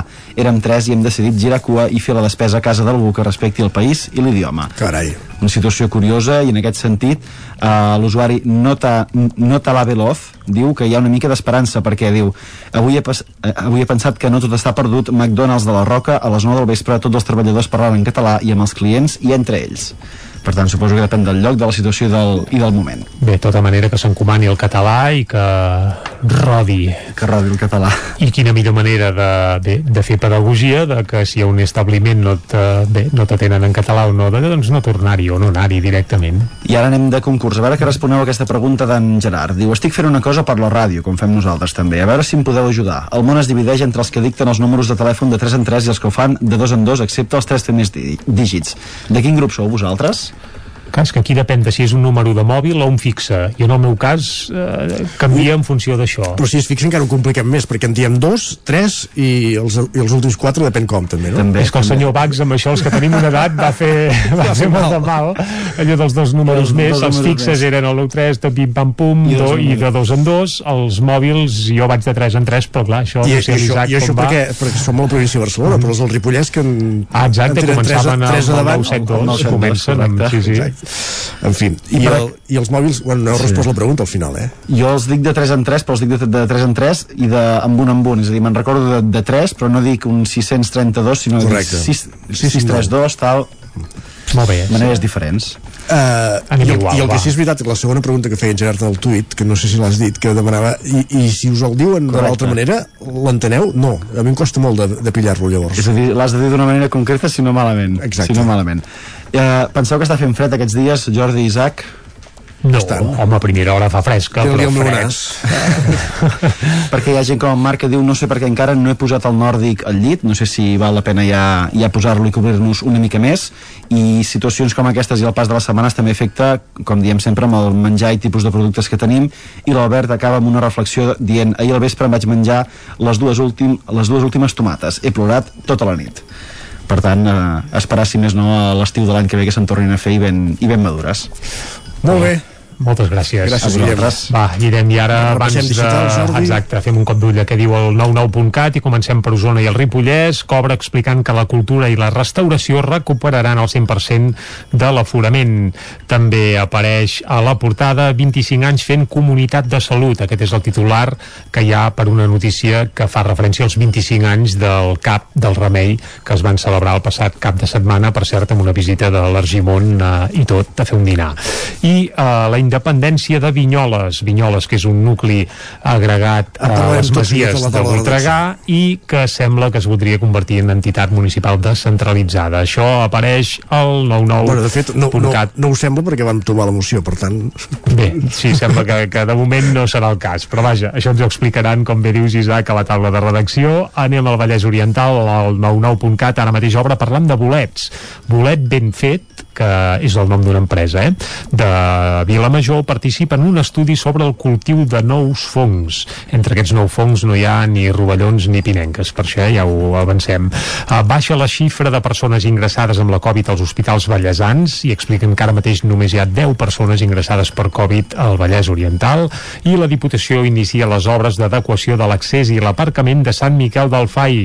Sant Miquel del Fai que porta un parell d'anys empantanegat i amb tot tancat, sembla que mica en mica va camí de resoldre's aquesta situació i convertir-se en un espai on s'hi pugui anar com havíem anat eh, sempre, perquè fa goig fer-hi una, una excursió, i tant que sí. Molt bé, doncs acabem aquí aquest repàs la digital i entrem a la taula de redacció, com dèiem.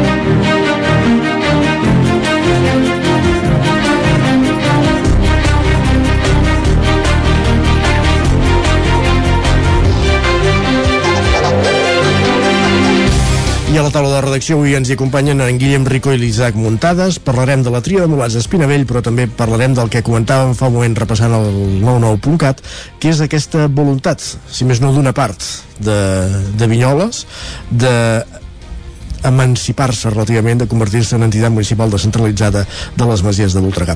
Guillem, bon dia. Bon dia. Uh, sí, hi ha una certa inquietud que l'han detectat des de la CUP, tot i que la resta de grups, uh, tret de Som Voltregà, uh, diuen que no, no, no l'han detectat no la perceben, vaja. Uh, el ple de la setmana passada, uh, la, el grup de la CUP va presentar una moció en què demanen que Vinyoles o sigui, demanen de fer una consulta popular per via de referèndum eh, per veure si Vinyoles vol ser una entitat municipal descentralitzada. Eh, diguem que seria una figura que no, se- no seria la independència total, la segregació total, però que dona, és una figura administrativa que dona cert grau d'autonomia eh, i, i poden gestionar el seu propi pressupost en alguns àmbits. Seria el cas, per exemple, a Osona n'hi ha, un, que eh, n'hi ha una entitat municipal descentralitzada que seria el cas de, de Sant, Miquel de Balanyà, que forma part de Ceba, però que tenen aquest, um, aquesta junta de veïns, diguem, que és encapçalada per un president eh, que també es decideix a, a les urnes quan hi ha eleccions municipals. El punt aquest, però, no va prosperar, només va tenir dos vots, el de la CUP, eh, que té un regidor, i el de Som Voltregà, eh, una llista associada a Esquerra, que també té només una regidora, i el grup majoritari, que és el de l'alcaldessa, eh, Verònica Ruiz, que està vinculat al PSC, doncs hi va votar en contra, eh, va defensar el, el posicionament l'exalcalde eh, Sergi Vilamala, que continua ara de moment com a, com a regidor d'Hisenda, va dir que que ell mai, mai ningú en 18 anys d'alcalde li havia fet arribar aquesta inquietud, aquesta inquietud de, de voler més autonomia a, a Vinyoles. I els tres regidors de, de Junts per Cat, que també formen part del govern juntament amb el PSC, es van abstenir perquè plantejaven una, una esmena pràcticament en la totalitat que deien que, que sí, que, que estaven d'acord amb el que deia allà, però que en tot cas es fes la consulta si mai hi havia una demanda eh, substancial i continuada en el temps eh, per part, diguem, de, de la població. Que llavors sí que veurien bé fer la consulta i una de les regidores de Junts també feia una observació que deia que no ho trobaven fora de lloc i per això hi van, es van abstenir però els hi dèiem als grups favorables que no entenien que volguin descentralitzar nuclis i que alhora es plantegi la fusió de, de les masies amb, amb Sant Hipòlit des de la CUP van dir que el seu grup eh, aquesta idea no la tenen clara, hi ha posicionaments de les dues bandes, des de Som Voltregà sí que, que portaven al programa a fer aquesta consulta per plantejar la, la, la fusió dels dos municipis, en tot cas deien que sí que estaven a favor de, de qualsevol tipus de, de consulta per mm, d'iniciatives de participació ciutadana i que per tant doncs, votaven a favor d'això.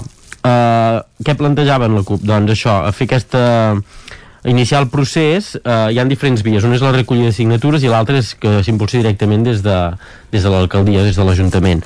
En aquest cas s'estalviarien uns passos i perquè deien que així podrien arribar a fer la consulta fer-la coincidir amb les eleccions de, municipals de, del 2023 que és quan es voten aquest tipus de, de consultes eh, amb una altra urna que, que demanaria això com es va fer a Sant Miquel de Balanyà i eh, llavors eh, d'aquesta manera s'hi arribaria més ràpid. L'altra opció doncs és aquesta recollida de firmes que és més lenta i que deien que d'entrada com a partit polític no haurien de ser ells qui l'haurien d'impulsar sinó una plataforma ciutadana eh, que, que volgués aquesta, aquesta acció. Però que deien que això potser seria més lent i que potser no s'arribaria per poder fer aquesta consulta eh, de cara a les properes eleccions municipals que com dèiem seran a, a, el 2023 uh, i això recordem que Vinyoles doncs, és un nucli de població que, que té un, hi viuen unes, unes 600 persones i que això que de fet, a les Masies de Voltregà té diferents nuclis de, de població, alguns estan molt enganxats amb Sant Hipòlit, d'aquí vindria també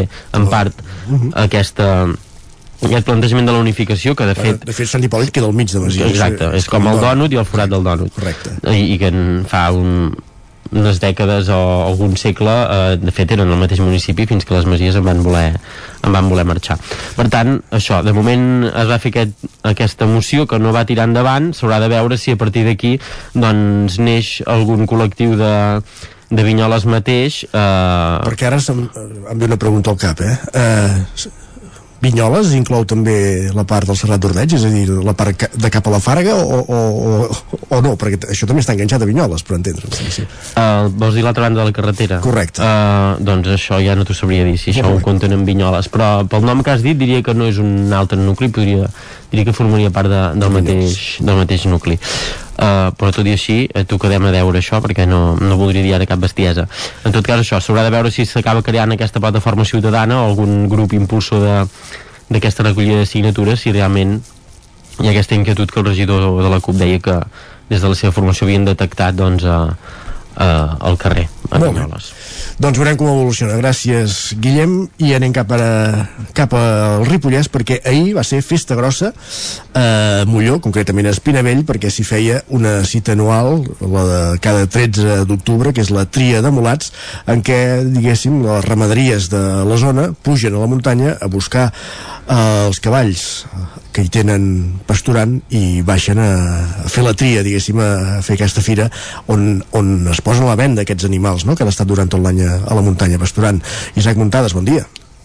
Bon dia, Isaac. Doncs sí, ho has explicat perfectament i de fet una de les imatges icòniques sempre és quan baixen doncs, a tots els mulats, tots els cavalls, els pollins i, i passen doncs, al, riu, em sembla que és el riu Ritort, si no recordo malament, i, i per davant de, de la zona de les planes d'Espinavell on també s'hi eh, ubiquen moltes parades de- d'artesania. Per tant, sí que és un dia que podríem dir de, de festa grossa i, i bé, ahir el més important sobretot és que es va poder recuperar aquesta festa perquè recordem que l'any passat per aquesta època més o menys va ser quan es van endurir les mesures després una, de, de l'estiu. Recordem que cap als mesos de setembre-octubre doncs hi va haver un tancament un altre cop d'algunes fires concretament. De fet sí que es va poder fer per exemple la fira de, de Santa Teresa i de, i de l'Ovella però en el cas de la Tria Mulats no es va, no es va poder eh, dur a terme per, per una sèrie de, de restriccions i en aquest cas aquest any eh, s'hi han reunit eh, gairebé 300 caps de bestiar que són, que són molts, tot i que en altres ocasions ens va comentar l'alcalde en Josep Coma que n'hi han hagut alguns més, no? perquè sí que és veritat que, que en aquests anys doncs, hi ha hagut alguna de les explotacions que n'hi van participar 13 doncs que, que ja no, no hi participa més que res perquè ja no tenen cavalls, per exemple em va comentar que n'hi havia una que s'havia canviat a les vaques o fins i tot algú que no podia haver vingut perquè no tenia prou gent doncs, per baixar-los perquè són, són bastants cavalls eh, els que baixen, per tant doncs, eh, és important tenir-ho controlat. Eh, a més a més va ser una fira una mica en format reduït Uh, cal recordar que, que, que això, com bé deies Isaac, cau en 13 uh, d'octubre, passi el que passi, llavors aquí depèn una mica d'on caigui, no? En aquest cas va caure darrere del pont del, del Pilar, per tant sí que hi va haver-hi menys gent de l'habitual, uh, sumat això, evidentment, a les mesures. Sí. Dir menys gent, quan estem parlant d'entre 2 i 3.000 persones ho trobo una barbaritat, és a dir... No, Sí, sí, sí, sí, sí. És molta És- gent, és molta que gent, eh? que aglutina aquesta fira, diguéssim. Clar, si ens, si ens posem a comptar, ja no dic la població d'Espinavell, eh, que és més petita, eh, però la població global de Molló, que estaria al voltant d'unes 400-500 persones, doncs eh, pràcticament eh, és 6, 7, 8 vegades més no? que, que la població habitual, per tant és, és, és molta gent, el que passa és que és el que ens comentava l'alcalde, eh, que si ho compares amb, un, eh, amb una tria de mulats que cauen dissabte o senzillament que cauen un divendres, perquè el pont del Pilar ha set doncs, eh, dijous, doncs eh, aquesta xifra la pots multiplicar per dos, és a dir, no són 2.000 sinó 4.000 o 5.000 persones les que venen a la tria mulats, que llavors és quan hi ha aquells problemes amb els autobusos, perquè evidentment el pàrquing de dalt de les planes d'Espinavell doncs s'ha de tancar amb un número de cotxes, no hi cap tothom, després hi havia molta gent que, que s'arrambava a la carretera, això també era una mica perillós i s'ha de tallar el trànsit a partir de certa hora i només pugen als autobusos o, o hi puges a peu, que és l'altra manera de, de pujar-hi, per tant per tant, déu nhi i, i, i destacar res, so, dos coses sobretot, els premis i el tema de, del preu de, dels mulats, dels pollins, que, que això sí que ho van comentar, que els ramaders estan contents perquè feia temps que no, no es pagaven tan, tan bé, a 700-800 euros més o menys, quan fa uns 5 anys estava a 200 euros, per tant realment eh, hi ha hagut un increment substancial. I llavors dir-vos doncs, que, que els premis van ser molt repartits, les explotacions són sobretot de, de la zona de, d'aquesta de, la vall de Camprodon però, però més aviat nord, o sigui zona de Llanà, zona de, de Molló i també una part de Camprodon i eh, en aquest cas el mas Can Freixa, Freixa de Molló va endur-se el millor escamot el mas La Moixa de Llanàs el de millor semental, el mas La Illa de Llanàs la millor euga eh, el mas Can Pastoret de, de Molló la millor parella i la millor pollina va ser pel mas Canilla de Molló. Per tant eh, tots els premis van ser per un mas diferent. Vull dir que això també eh, va estar bastant repartit. Va quedar repartit, exacte. Doncs gràcies Isaac per ser avui també en aquesta taula de redacció. A vosaltres. Hem parlat de, la tria de Malats d'Espinavell hem parlat també d'aquesta intenció d'aquest intent de moció fallit ara mateix de, de fer una consulta sobre si Vinyoles ha de ser una MD descentralitzada de les masies de Voltregà i acabem aquí, anem tot seguit cap a la plaça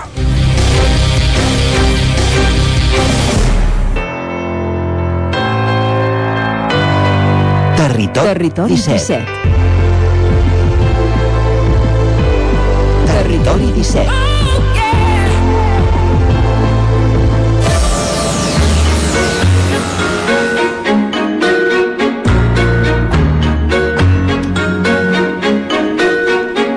I a la plaça, aquest espai setmanal i a la plaça, dèiem, aquest espai setmanal que dediquem a l'economia digital, a 11.cat, ens hi espera, com cada setmana, la Maria López. Maria, bon dia. Molt bon dia i benvinguts una setmana més a, a la plaça. Escolta, avui, i ja com us vàrem anunciar el dijous passat, parlarem d'allò que ens fa més mal de tenir els diners al banc. I és que avui parlarem de les comissions. Avui parlarem de per què paguem, què paguem, si són abusives o no aquestes comissions, que per cert hem fet una, una enquesta a l'Insta, que no sé si has contestat, Isaac, que ara comentarem també. Encara no. Aquests resultats. Encara no, doncs ja pots estar responent. A veure si les comissions a la gent li semblen abusives o no. Voldrem saber també si només paguem aquí o es paga a tots els països. Compararem preus i també de si són necessàries o no, o si realment tot això podria ser gratis. I per parlar de tot això, com bé deies, Isaac, avui comptem amb els companys de 11.cat. Tenim a la Gemma Vallet, directora de màrqueting d'11. Bon dia, Gemma. Bon dia, Maria. Ens acompanya també avui, no ha vingut a l'estudi, l'Amadeu Vilaginès, és Junior Product Manager d'11. Bon dia, Amadeu. Bon dia, Maria. I ens acompanya també, però que diu que ve només a donar suport emocional, la Coral Santa Cruz, de, és de Digital d'11.cat. Bon dia, Coral ens saluda des de la llunyania. Uh, Som-hi, no? Som Comencem d'entrada la gran pregunta. Per què hem de pagar comissions? Bueno, primerament, ja, ja em coneixes, Maria, ja. Sempre diem el mateix. A internet ens vam acostumar que tot era gratis, sí? Doncs eh, si una empresa ofereix un servei, estarem d'acord que hem de, hem de pagar per aquest servei. Llavors, hi ha un punt que hem de dir que és eh, just el que hem de pagar sobre, per, la, per les coses que consumim eh, dins d'internet, no? la banca digital o els serveis bancaris també dir-te, com bé has apuntat abans, és que moltes vegades ens trobem que les comissions són abusives i és aquí on, on hem de parar una miqueta al reflexionar i pensar per què paguem tant, no? Clar, aquí jo crec que hi ha una mica com un doble... Trobaràs dues opinions, no? D'una banda, tot i que fa mal pagar, sempre tot el que puguis fer gratis, doncs prefereixes fer-ho gratis, eh, ja que punt de dir, doncs, m'estan guardant els diners, no? tinc una targeta, no sé què, hi ha coses que pots entendre més o menys, però aquí en el punt que deies tu de, la, de lo abusiu, no? de, de, o fins i tot a vegades la sensació de si en el fons tenen els meus diners i fan amb ells el que volen, eh, per què a sobre haig de pagar comissions? No? On està la, la línia o què seria correcte? En quin punt podem dir aquí ja s'estan passant? Mira, si et sembla, l'Amadeu et respon uh, què paguem? Què paguem? Què paguem? Què paguem? Doncs pues depèn a qui ho preguntis, segur que et diran que paguem fins i tot per respirar. és, és més molt típica aquesta frase. M'han cobrat per entrar a l'oficina. Correcte, sí, sí. Però al final el que s'ha de fer és una distinció clau entre la banca tradicional, que és els bancs que, que tots coneixem, els de tota la vida, i les noves empreses, le, les fintech, els neobancs, totes aquestes noves empreses que al final acaben cobrant bastant menys del que cobraven la banca tradicional. Uh -huh. Clar, si veiem aquesta distinció, veiem que per una part la banca tradicional està en una situació en la que cada cop està afegint més càrrecs i més comissions i més comissions i més comissions per als seus serveis. Per exemple, la quota de manteniment. La típica quota de manteniment que s'ha de pagar de forma mensual, de forma trimestral, per a poder mantenir el compte, el compte que tenim amb, amb l'entitat. També tenim les quotes de subscripció per, per les targetes, i en cas que perdem la targeta o que la vulguem canviar, doncs tindrem també la quota de substitució, que serà un altre cop haver de pagar per la targeta. I després tenim també els recàrrecs per, per finestreta, per ús de finestreta, que volem fer una transferència o volem fer un, un ingrés de diners, però en lloc de fer-ho des de l'aplicació o des del caixer ens acostem a la sucursal, a l'oficina, doncs haurem de pagar un recàrrec. Això, sobretot, eh, els problemes que està tenint ara la banca tradicional, que ens està afegint molts costos. I per l'altra banda, tenim les noves fintech, tenim els nous neobancs, que cada cop estan guanyant més quota de mercat perquè al final el que són és més competitius. Ens, ens cobren menys per, per aquest tipus d'operacions quotidianes i, a més, no només això, sinó que, a més, tenen un altre sistema, que és el sistema de les quotes de subscripció. I què vol dir això? Vol dir que imaginem-nos que som un client que va molt a l'estranger i que necessita per alguna raó treure molts diners a l'estranger o necessita fer transferències a fora d'Europa i que li cobrin el menor número de comissions possibles. Doncs a moltes fintech el que hi haurà serà una quota de subscripció que et dirà, d'acord, pots pagar X euros al mes o X euros trimestrals i a canvi et donarem menys comissions per a fer transferències a l'estranger. O et donarem més retirades amb, amb moneda estrangera, amb dòlars o amb euros o, o amb lliures. I aleshores tu, segons les teves necessitats, podràs contractar aquest pla de subscripció, aquesta quota de subscripció, o podràs contractar un altre. I clar, això al final té moltes avantatges perquè s'adapta a les necessitats que tenim cadascú. Recapitulant, o sigui, d'una banda sí que crec que s'ha d'entendre que la banca tradicional, que a nivell d'oficina segurament això té una despesa molt més gran, tinc unes comissions més grans, però dintre, dintre de, que, de que es pugui entendre aquesta diferenciació entre la banca digital, que moltes d'aquestes despeses se les pot estalviar i per tant entenc que menys comissions, eh, tot i així la despesa de les, de les tradicionals moltes vegades és com molt exagerada, no? Jo me recordo haver-me trobat en una situació de fer-me un recàrrec per un negatiu de 2 euros, un recàrrec per negatiu de 35 o sigui, una comissió per haver-me per haver deixat dos euros al banc, per si dir-ho, em van carregar 35. Això me l'ha guanyat, saps? I no me'ls deixis, no me'ls deixis i torno el rebut, saps? No cal. I fins a quin punt eh, aquestes despeses realment són, són el que toca? O realment hi ha, hi ha, un, hi ha una mica d'abús, no? De, de, de que és com indiscutible i que quan obres un compte firmes i ja, ja t'has sentenciat? Correcte. Al, al final, amb la banca tradicional, sobretot, és que podem afirmar 100% que les comissions són en molts casos abusives. Al final es tracta d'un càrrec en el qual no sabem el cost real que està tenint. I pot ser per l'entitat, el que deies, l'exemple aquest d'un de, descobert de, de dos euros, amb ells realment quasi bé no els hi suposa cost, però després t'ho carreguen amb uns 35 euros, que és completament desproporcionat en relació al cost que els hi ha costat amb ells, t'ho han carregat de forma despro desproporcionada. Això és un problema. I l'altre problema és la falta de transparència. No és només que et carreguin aquest sobrecost, sinó que a sobre no t'han avisat anteriorment. Uh -huh. O si t'han avisat, ho han ficat amb lletra petita... Amb a la lletra 6. Correcte, a la dotzena pàgina Ah, del contracte, que Sí. potser no t'has ni llegit. Marges o, a o has u. llegit molt sí, sí.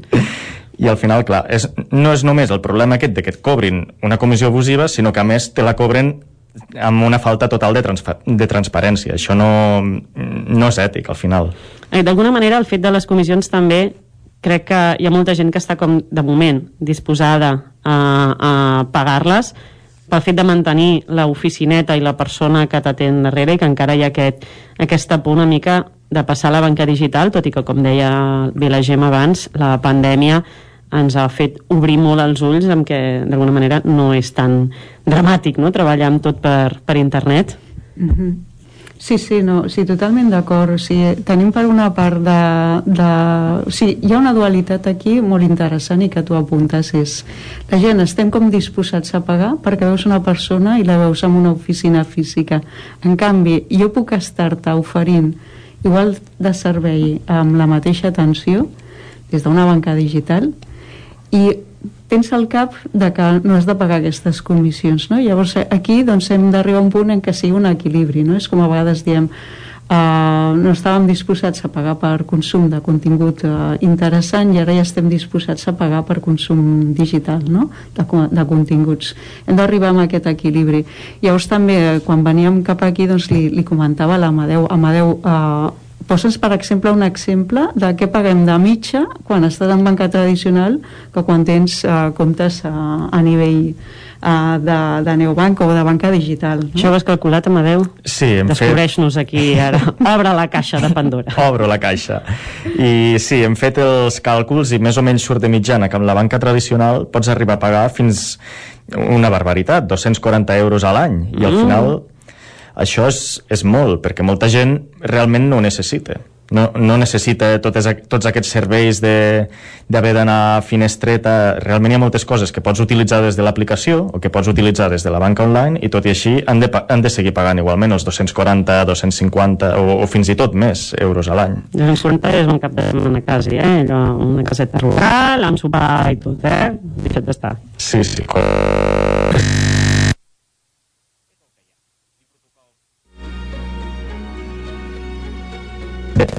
Hem, estem, tenim problemes amb la comunicació amb els, com, amb els estudis de Ràdio i Televisió de Cardedeu, des d'on eh, estàvem fent aquesta secció de la plaça d'Economia Digital. Maria, no sé si ens sentiu bé ara vosaltres. Sí, sí, sí, ho sentim bé. Us arribarà el senyal? Tenim problemes amb la, amb la recepció, i amb si podem... Diria que ara s'aguanta, ja continuem.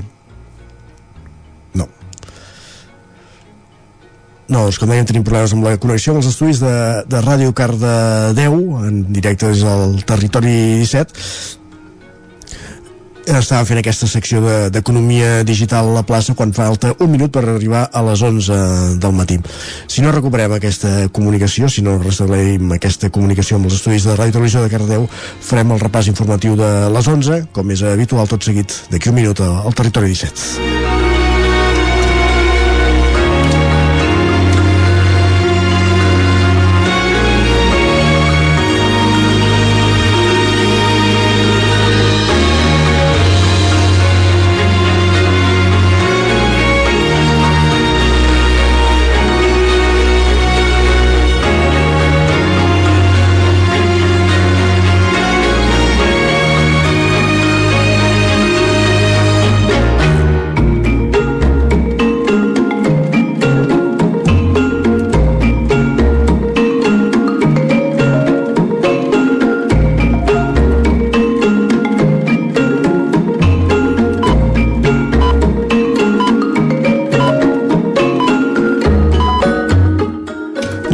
Els senyals horaris, són les 11 al territori 17. Territori 17, amb Isaac Moreno i Jordi Sunyer.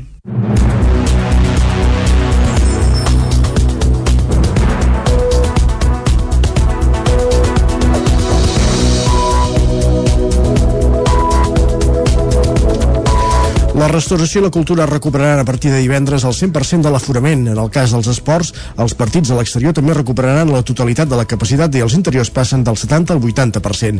El que no canvia en cap cas és l'obligatorietat de portar mascareta.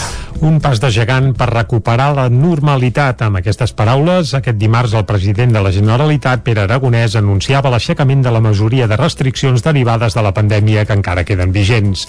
La mesura entrarà en vigor aquest divendres, és a dir, demà, i afecta de ple el sector de la restauració que podrà recuperar tant a dins com a fora el 100% de l'aforament.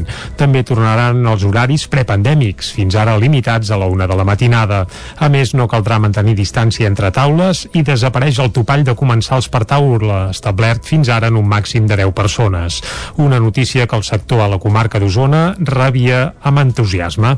Antoni Dinarès és el gerent de l'Associació d'Empresaris d'Hostaleria i Turisme del Moianès i Osona. Ahir a la tarda ho, vaig, ho vàrem dir eh, via WhatsApp a tots els socis, és clar, la reacció va ser superpositiva. O sigui, eh, a veure si d'una vegada eh, tornem a la normalitat no obstant això, des de l'Associació d'Empresaris d'Hostaleria i Turisme del Moianès i Osona demanen prudència fins que les noves mesures es publiquin demà al document oficial de la Generalitat de Catalunya i s'aclareixi, per tant, la lletra petita. Antoni Dinarès. Nosaltres tenim una colla de dubtes, per exemple, què passarà amb el ball de les festes, els banquets, etc.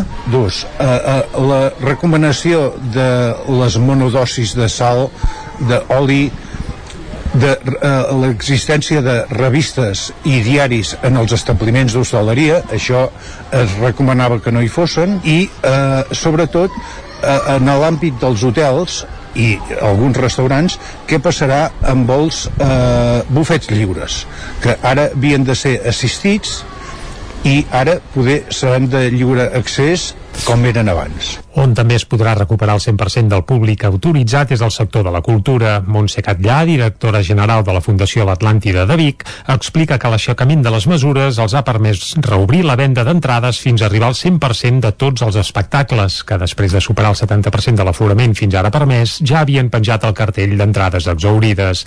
És el cas, per exemple, de Canto Jo i la muntanya Balla, l'espectacle teatral previst per aquest dissabte a l'Atlàntida. Montse Catllà és la directora general. Sí que és veritat que els espectacles que ara estaven en un alt nivell d'ocupació, fins i tot amb entrades exaurides al 70%, com que ara s'obrirà al 100%, doncs hi haurà butaques eh, dispersades, no? I que per tant el que compra les entrades potser haurà d'adquirir-les eh, separadament o no, eh? Perquè eh, hi han configuracions molt diverses de, de l'aforament. L'aixecament de mesures també afecta arxius, biblioteques, museus, sales d'exposicions, galeries d'art i actes esportius a l'aire lliure que recuperen tots el 100% de l'aforament. L'esport en espais tancats passa del 70 al 80% i l'oci nocturn, que va reobrir dijous passat, doncs manté el 70% i això sí encara amb passaport Covid. La Diputació de Barcelona inicia les obres d'adequació de l'accés i l'aparcament a l'espai natural de Sant Miquel del Fai. Els treballs tindran un cost de 780.000 euros i duraran sis mesos. Caral Campàs, des d'Ona Codinenca. Encara no hi ha data concreta de reobertura de l'espai natural, però la Diputació de Barcelona ha iniciat aquesta setmana les obres de millora de l'accés i també d'un aparcament a Sant Miquel del Fai.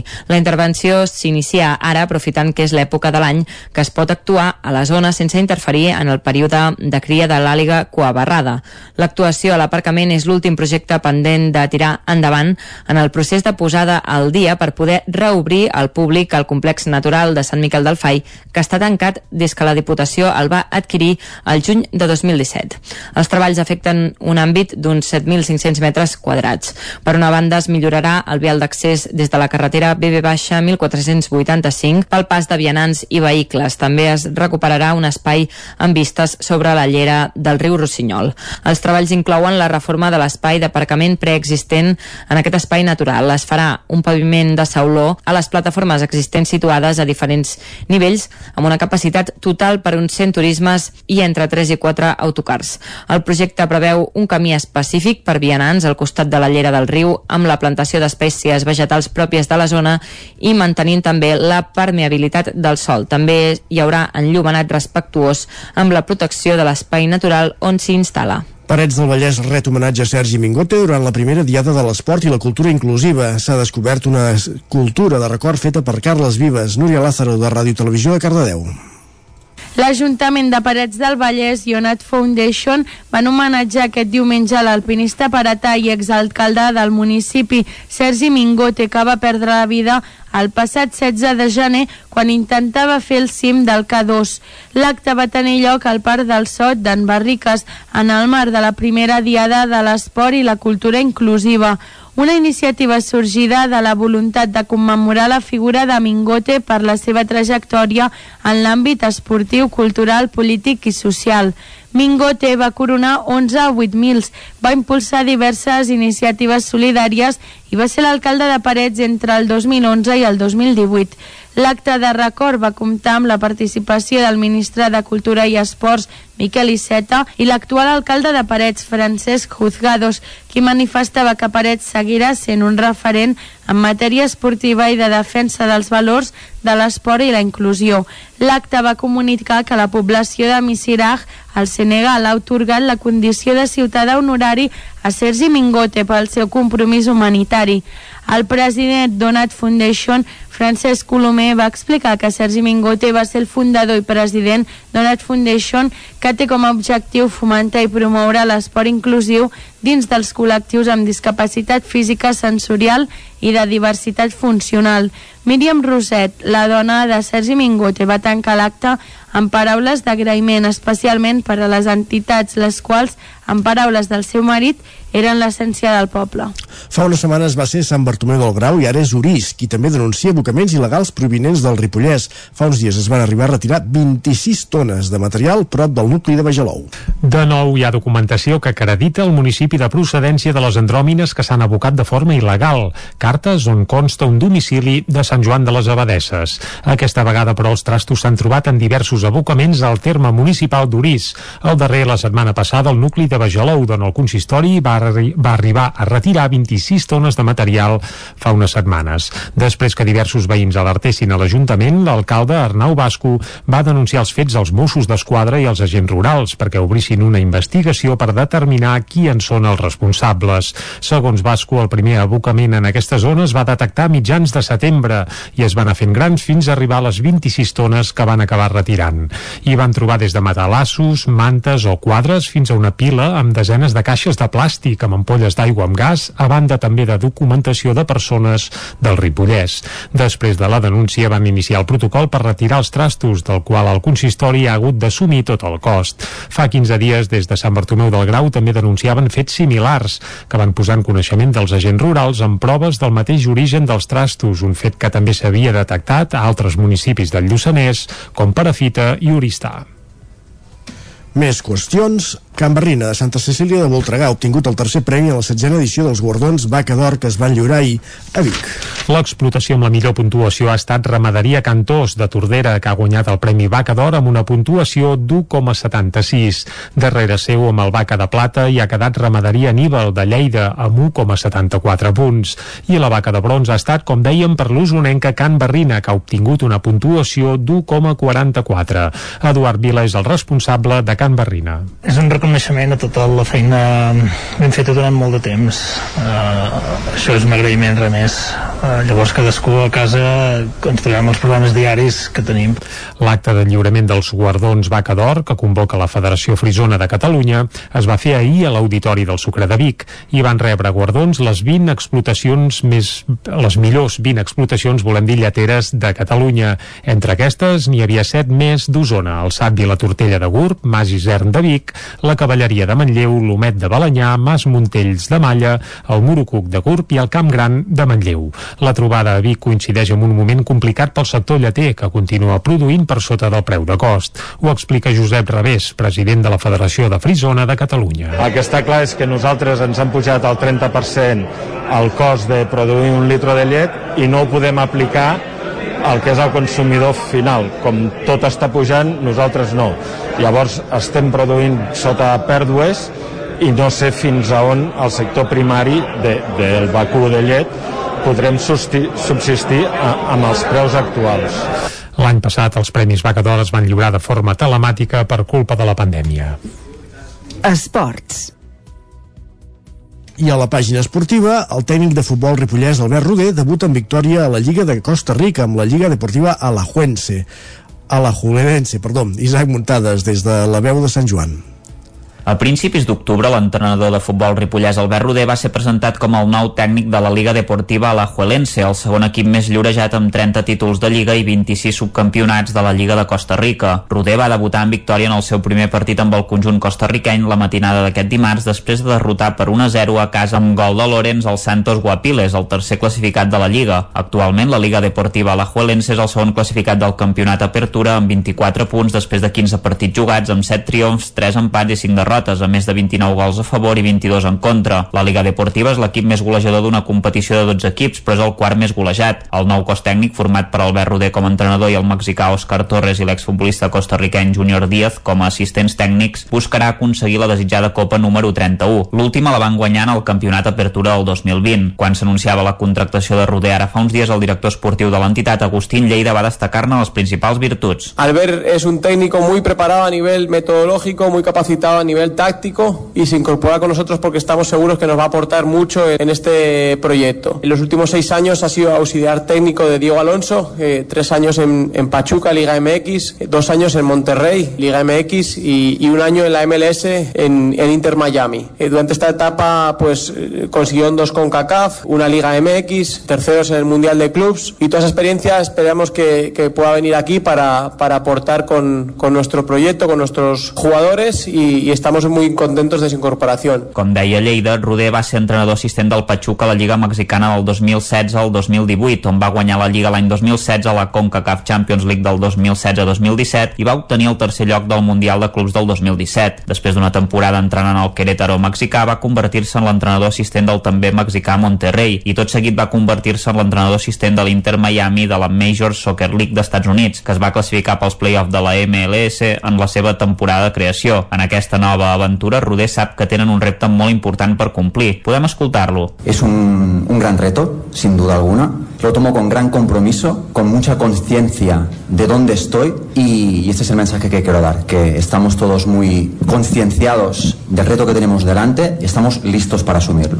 Bueno, yo creo que un club tan grande como este, la exigencia la viene marcada por el club, por la institución. Es decir, nosotros sabemos que este club, que esta institución, tiene que ganar los campeonatos. Cada uno de los torneos que juega tiene que estar ahí para ganarlo. Y entendemos, respetamos y asumimos esa exigencia al 100%. Segons el seu contracte, Roder serà el tècnic de l'equip costarriqueny almenys fins al desembre del 2022 i intentarà implantar un estil de joc ofensiu a través del domini de la possessió de la pilota. Gràcies, Isaac. Acabem aquí aquest repàs informatiu. Fem una petita pausa i tornem al Territori 17. Tot seguit, amb PNL. Parlem de l'alegria interior amb en Jordi Soler.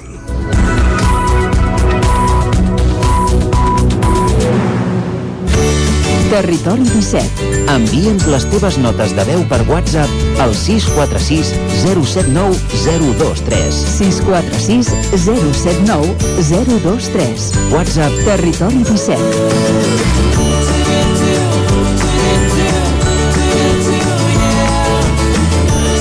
Territori 17. Som a Facebook, Twitter i Instagram amb l'usuari Territori 17.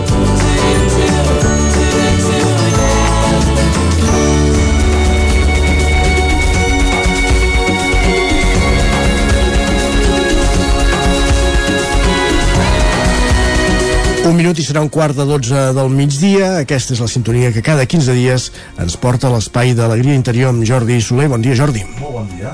Ara sí que et sentim. Torni, perdona. Molt bon dia. Uh, continuem la sessió començada fa 15 dies, entenc, sí. i reprenem el fil que van deixar, on van deixar-ho aleshores. Sí senyor, aquest eh, recorregut eh, cap al nostre inconscient, que tu em deies, bueno, i com es fa això? I vaig, bueno, i estarem uns quants dies, eh, perquè és una tasca que, bueno, que s'ha d'anar coent i s'ha d'anar servint i s'ha d'anar païnt pas a pas. Doncs anirem donant petites píndoles perquè ens ajudin a fer un recorregut que podem estar molts anys a la nostra vida però que és molt curt, que és cap a dins nostre, cap a aquesta part inconscient. Fa 15 dies parlàvem de trobar la intenció positiva de les coses que a vegades no ens beneficien. Eh? Quan tenim una addicció, quan tenim algun mal hàbit, eh, moltes vegades està empengut per una intenció positiva. Però aquesta intenció positiva, que diràs, caram, quina intenció positiva hi pot haver amb una cosa que ens perjudica, no?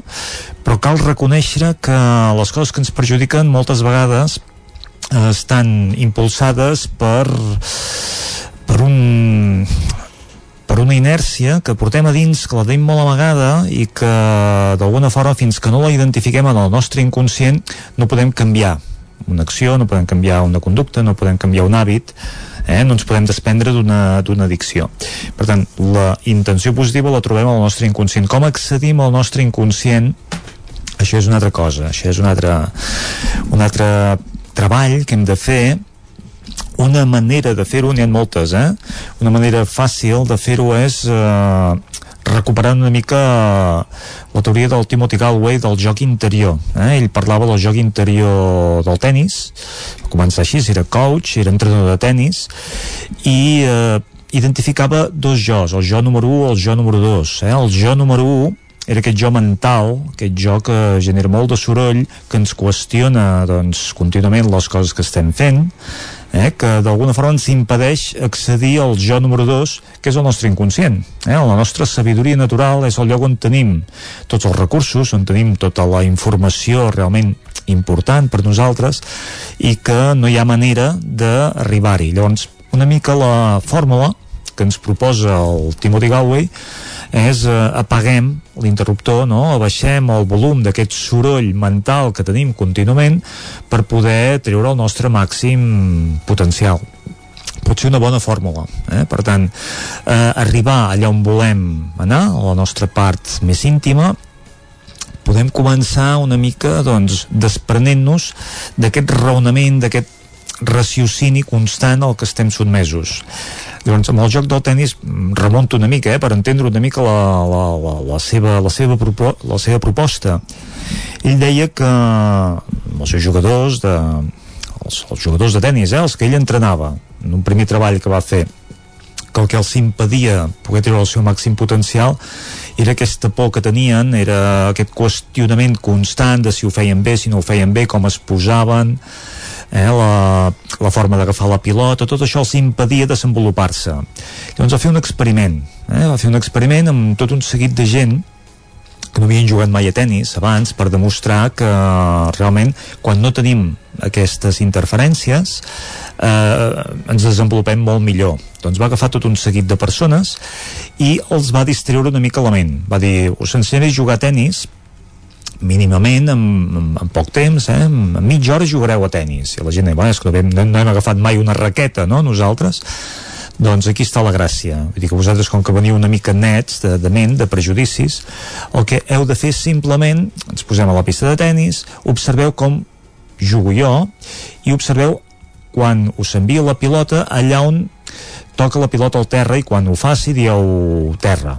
Eh? Una, una cosa així simple d'aquesta manera el, el diguéssim l'aprenent l'única cosa que havia de fer, no havia de tornar la pilota eh? ell rebia pilotes mirar i prou mirar i prou, i quan la pilota tocava al terra deia terra, o deia pilota o deia allò, una paraula que centrava una mica l'atenció a mesura que va anar avançant, dos minuts, cinc minuts, deu minuts, va dir, si us ve de gust podeu tornar-ne alguna de pilota, però que no sigui un condicionant. Llavors, d'una forma natural, aquelles persones doncs, tenien l'impuls, com que veien amb ell jugant d'una forma natural, d'una forma relaxada, distesa, amb una postura determinada, no? amb una actitud determinada, de forma natural, espontània, van començar o començaven a tornar alguna pilota, no? I ho feien prou bé, prou bé fins al punt de que, bueno, sense adonar-se'n, van acabar jugant amb el Timothy Galway, vull dir, jugant a tennis, tornant pilotes, no?, responent, quan realment mai abans havien, doncs, eh, fet aquest exercici. I, bueno, no, no sé si tu has après mai a, a, a algun joc de raqueta, però el més fàcil és que el primer dia te'l passis eh, fent cantos de raqueta... No res que es vola, que diuen. No res que es vola, exactament. Llavors, ell el que va aconseguir és demostrar que quan traiem una mica aquestes pors, aquest qüestionament, no? aquest voler fer-ho bé, aquest judici intern constant que tenim, doncs això eh, treu aquest potencial, aquest jo número dos, eh, aquest, eh, aquesta sabidoria natural, quan ens desprenem de, de, de tot aquest eh, encotillament, aquest condicionament, doncs és quan surt el millor de nosaltres. Doncs clar, jo agafo això, agafo aquesta... L'experiment del tennis. Aquest, aquesta teoria, que ell ho ha exportat a tot. Clar, evidentment això és com un exemple, no? És com per entendre el concepte de dir, això ho podem aplicar en tot el nostre dia a dia, en qualsevol entorn. Ell és coach, és coach de, de grans multinacionals, vull dir que és una persona molt reconeguda, dir, va començar per aquí, però realment a partir d'aquí doncs ho va anar aplicant a, a diferents modalitats esportives, però també en el món de l'empresa, no? perquè s'adonava de que les persones en un entorn laboral, quan estaven molt condicionades, molt vigilades, no? molt... Pressionades. Sí, eh, sí, molt, molt, això, molt controlades, es desenvolupaven menys, no? Un departament d'atenció al client quan es movia per resultats, la forma de tractar els seus clients era diferent, era més tensa i aconseguia uns resultats mm, pitjors, no? Quan no hi havia aquest policia, aquest efecte policia a darrere, doncs les persones estaven molt més naturals i l'atenció al client era molt millor i els resultats obtinguts eren molt millors, no? Per tant, això aplicat a tot arreu, eh, bueno, ens està dient que en el nostre dia a dia també podem silenciar aquesta veu, no? Vull dir, també podem... Però és tan senzill com el que deies abans d'apretar l'interruptor, no? Suposo. Bueno, mm, aquí està el tema, hi ha d'haver una voluntat. Com, com trobem aquest interruptor? No, com, com silenciem no? que aquesta, aquest, aquest soroll mental, no? com abaixem aquest volum, aquí és el treball. Primer de tot, reconèixer que tenim aquest soroll, no? Com, fa 15 dies parlàvem, hem d'identificar la intenció positiva per poder afrontar doncs, una addicció, una situació. En aquest cas, en el cas d'avui, hem de dir com apretem l'interruptor perquè silenciem doncs, una mica aquest soroll mental.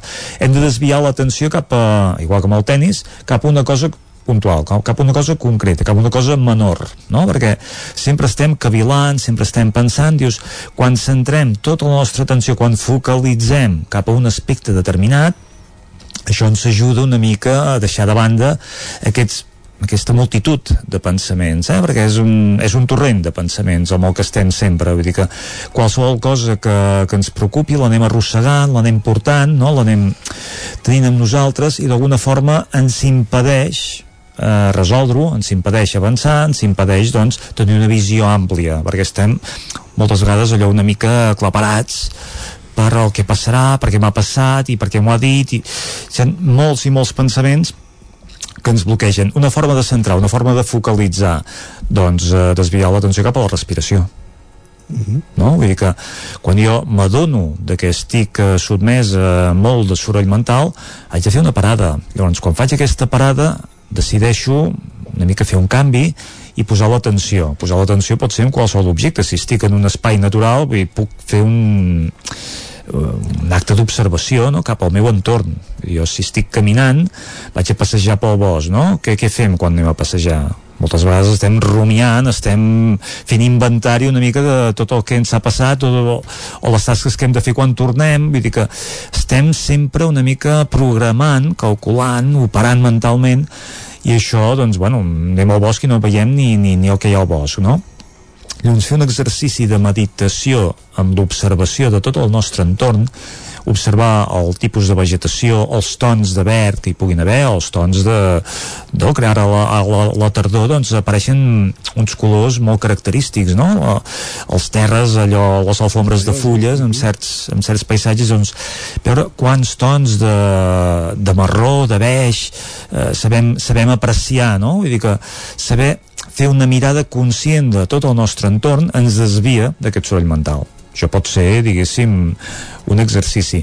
Si no tenim un entorn natural, si no estem al bosc, estem en una oficina, estem atabalats, què fem?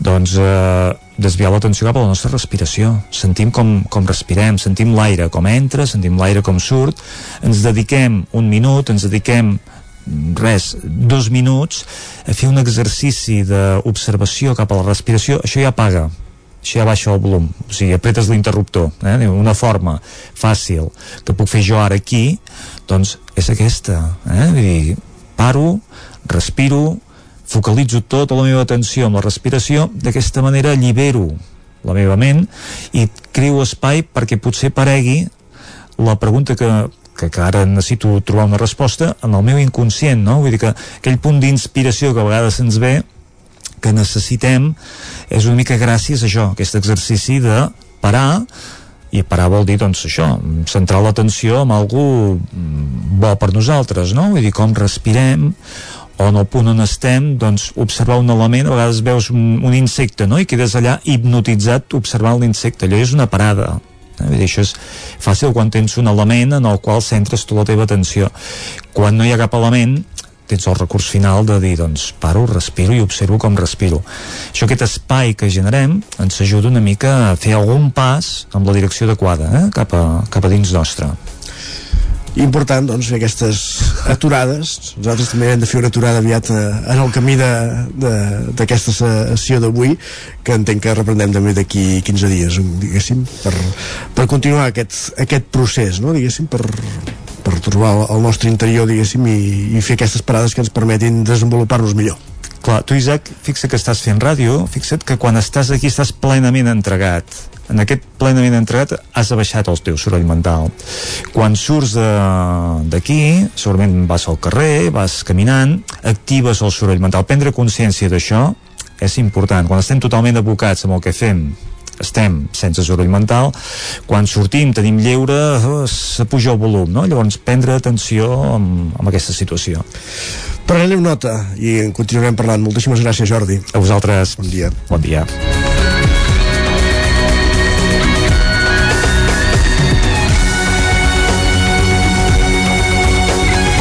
Doncs amb l'alegria interior, passat l'alegria interior, farem una petita pausa. Tornarem a dos quarts en punt amb l'R3 i el cinema, el que ens queda avui al Territori 17.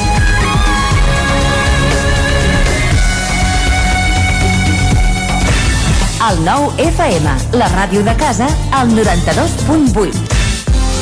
Cefusol, centre de formació de soldadura GURB. Som especialistes en processos de soldadura. Disposem d'instal·lacions totalment equipades per a classes de teòrica i pràctica amb cabines individuals i equipaments de seguretat. Assessorem empreses i oferim cursos subvencionats i bonificats. Vine i t'informarem. Cefusol, som al carrer Sant Roc número 21 de GURB. Telèfon 664 206 192. També ens trobaràs a cefusol.com i a YouTube. El racó de León. Gaudeix de la nostra terrassa. Vine a tastar les xuletilles de lechal a la brasa amb una bona amanida o el xuletón de vedella gallega. No et pots perdre el nostre lechado de Castilla al forn o el cochinillo a l'estil de Segovia. Tot acompanyat del millor celler, al menjador o fora la terrassa. Descobreix la millor cuina de Lleó sense moure't de casa. Vine amb la família, els amics, la parella o sol. T'encantarà. El racó de León, cuina tradicional lleonesa i de mercat. Som al carrer Torelló número 35 de Vic. Per reserves, telèfon 93 889 1950. El racó de León, una cuina diferent. Som especialistes en cargols a la llauna. Vine a tastar-los al racó de León. A Corretja tenim tot el que necessites per la teva llar. Tot tipus de paviments i revestiments, sistemes d'aïllament, cobertes, parquets, aixetes, ferreteria, pintures, fixació i cargoleria, vestuari i material de seguretat. Disposem de més de 3.500 metres quadrats d'exposició amb una nova zona exterior d'aïllaments. A Corretja som especialistes en cuines i banys. Us assessorem, dissenyem i realitzem el projecte des de l'inici fins a la fi del muntatge. 100% cuines, 100% banys. Al carrer Mas Vigues 8 de Vic, a corretja-sl.com o a Instagram. 100% materials per la construcció i la decoració. 100% corretja. Quan arriba la nit de Tots Sants, les bruixes tornen a Viladrau. Des de 1997, el 31 d'octubre arriba al Ball de Bruixes, un espectacle de carrer teatralitzat amb música, dansa, llum i foc en què 14 dones de Viladrau es reuneixen per celebrar la seva última junta abans de ser condemnades i executades. Aquest any, doble representació a les 9 i a dos quarts d'11 del vespre. Reserva ja la teva entrada i vine a commemorar la persecució de les bruixes. El 31 d'octubre, 24è Ball de Bruixes de Viladrau. Consulta totes les activitats a viladrau.cat. Cocodril Club. Si t'agrada la bona música dels anys 60, 70 i 80, escolta el 9 FM als matins de dissabtes i diumenges d'11 a 1. És el temps del Cocodril Club, tot un clàssic de la ràdio, amb les bases del pop-rock, les llegendes, les cançons que s'han convertit en autèntics himnes. Recorda, dissabtes i diumenges al matí, d'11 a 1, al 9 FM 92.8. Cocodril Club, el programa revival de l'Albert Malla. Hasta luego, cocodrilo. Tori 17. A Tren d'Alba. Cada dia els usuaris de la línia R3 de Rodalies que veuen sortir el sol des d'un vagó ens expliquen les gràcies i les penes del primer comboi que uneix Ripoll i Barcelona.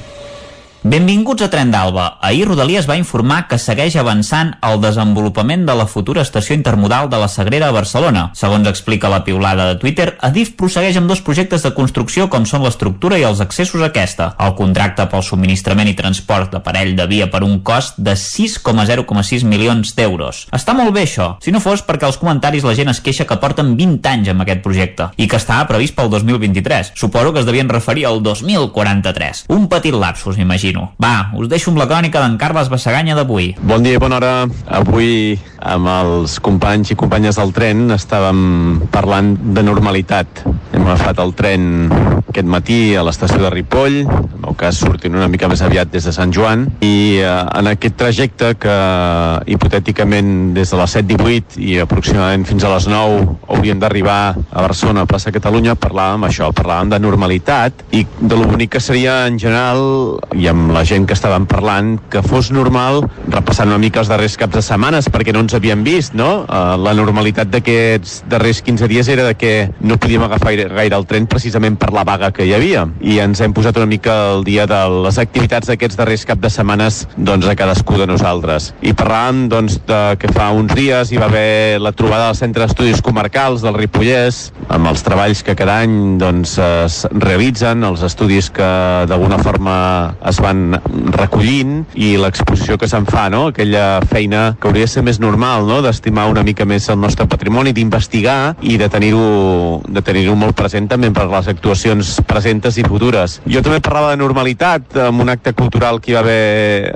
l'anterior cap de setmana d'homenatge amb el Ramon Cotrina, una persona polifacètica que va portar molt també al Ripollès, a Sant Joan de les Abadesses, però també a la comarca d'Osona, sent un dels precursors del que en el fons en el dia d'avui es pot arribar a entendre com a la Facultat de Magisteri i la pròpia creació de la Universitat de Vic, no? amb l'Escola de Mestres. Parlàvem d'aquest tipus de normalitat, que seria normal i bonic precisament tots nosaltres i la ciutat en general participés més d'aquestes activitats culturals. I també hem parlat de la normalitat. Avui, allò que hauria de ser normal, que arribessin puntuals, que ha acabat passant. Avui el tren bala ha arribat puntual a les 9 a Barcelona, doncs allò que hauria de ser normal no fos excepcional.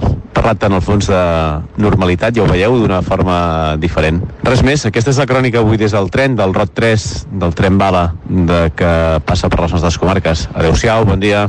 Realment esperem que puguem tornar ben aviat a una normalitat pràcticament absoluta. De moment ja se li va poder fer aquest merescut homenatge en Ramon Cotrina, un dels santjoanins més il·lustres i importants per la seva implicació amb la llengua catalana i la fundació del que ara és la Universitat de Vic. Va, ens retrobem demà amb més històries del tren i de la R3.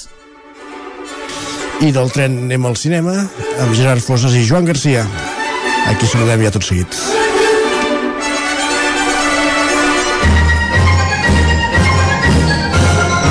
Com sempre amb aquesta música, moment de repassar les estrenes de la setmana, però com us vam anunciar la setmana passada, tenim en Gerard Fosses a Sitges. Hola Gerard, Hola, què tal? on ets ara mateix?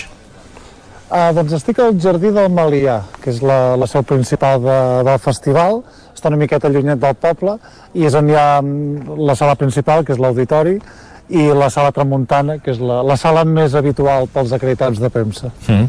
Has menjat? Has, has, estàs abrigat? Sí, sí, sí. Uh, he menjat i dormit poc, aquest és el, el resum. Quantes hores dorms aquests dies? Uh, bueno, depèn del dia, 4 o 5, depèn. Molt bé.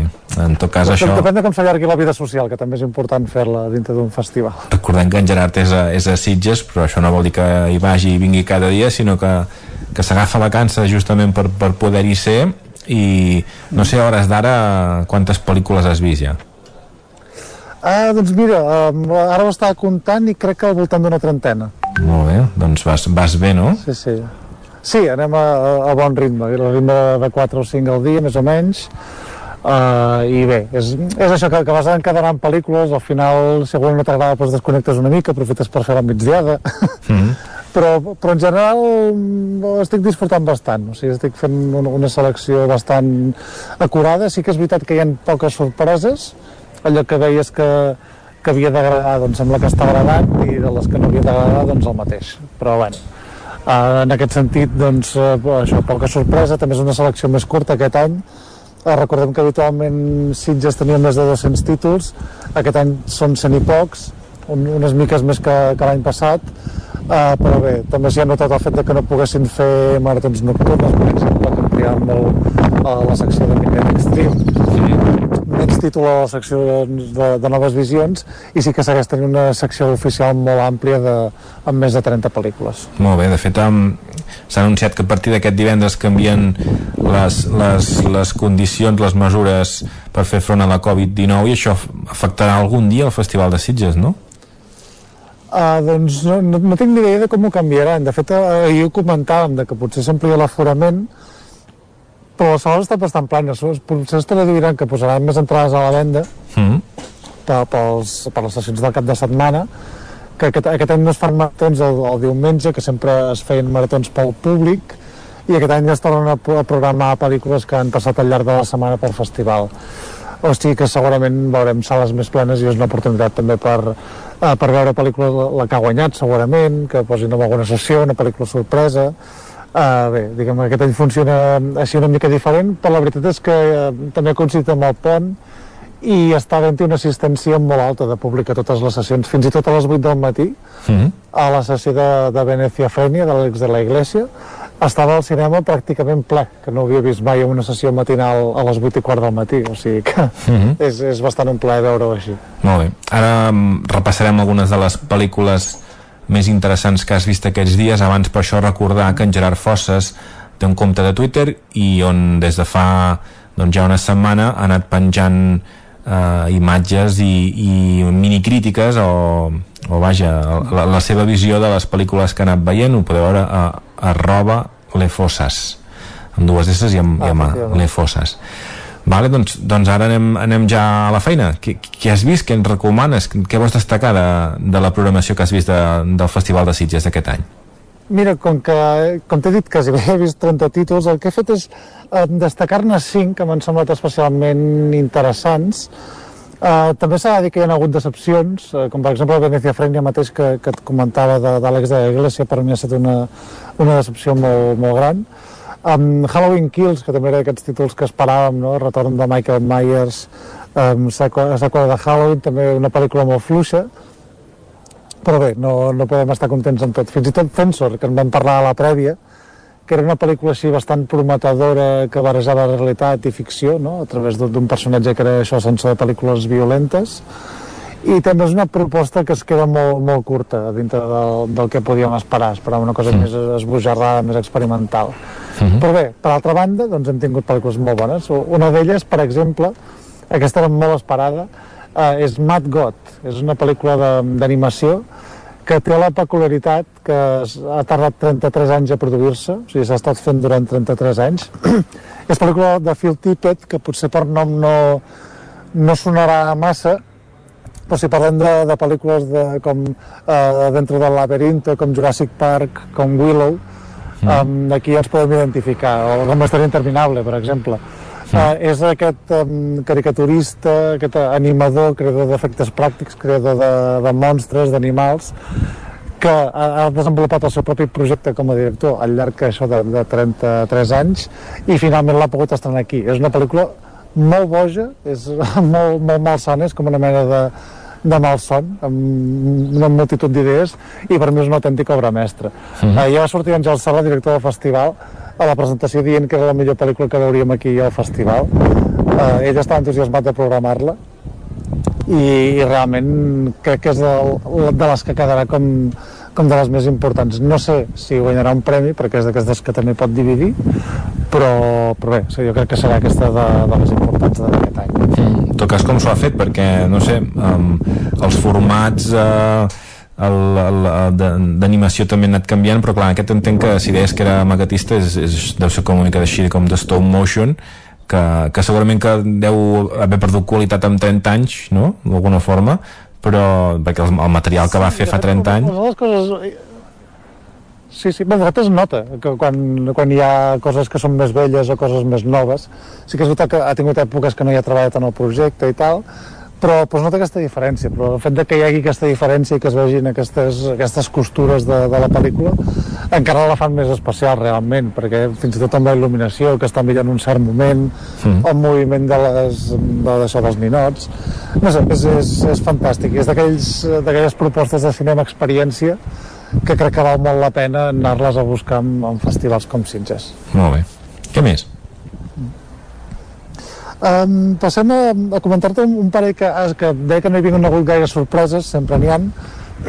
Uh, dues d'elles són una que es diu The Dawn, o Zora, títol original, que és una pel·lícula que ve de Croàcia i que precisament parla doncs, de les ferides obertes que encara hi ha uh, arran de, de la Guerra dels Balcans, que ja va ser fa, fa pràcticament 30 anys, però encara, encara hi ha ferides obertes.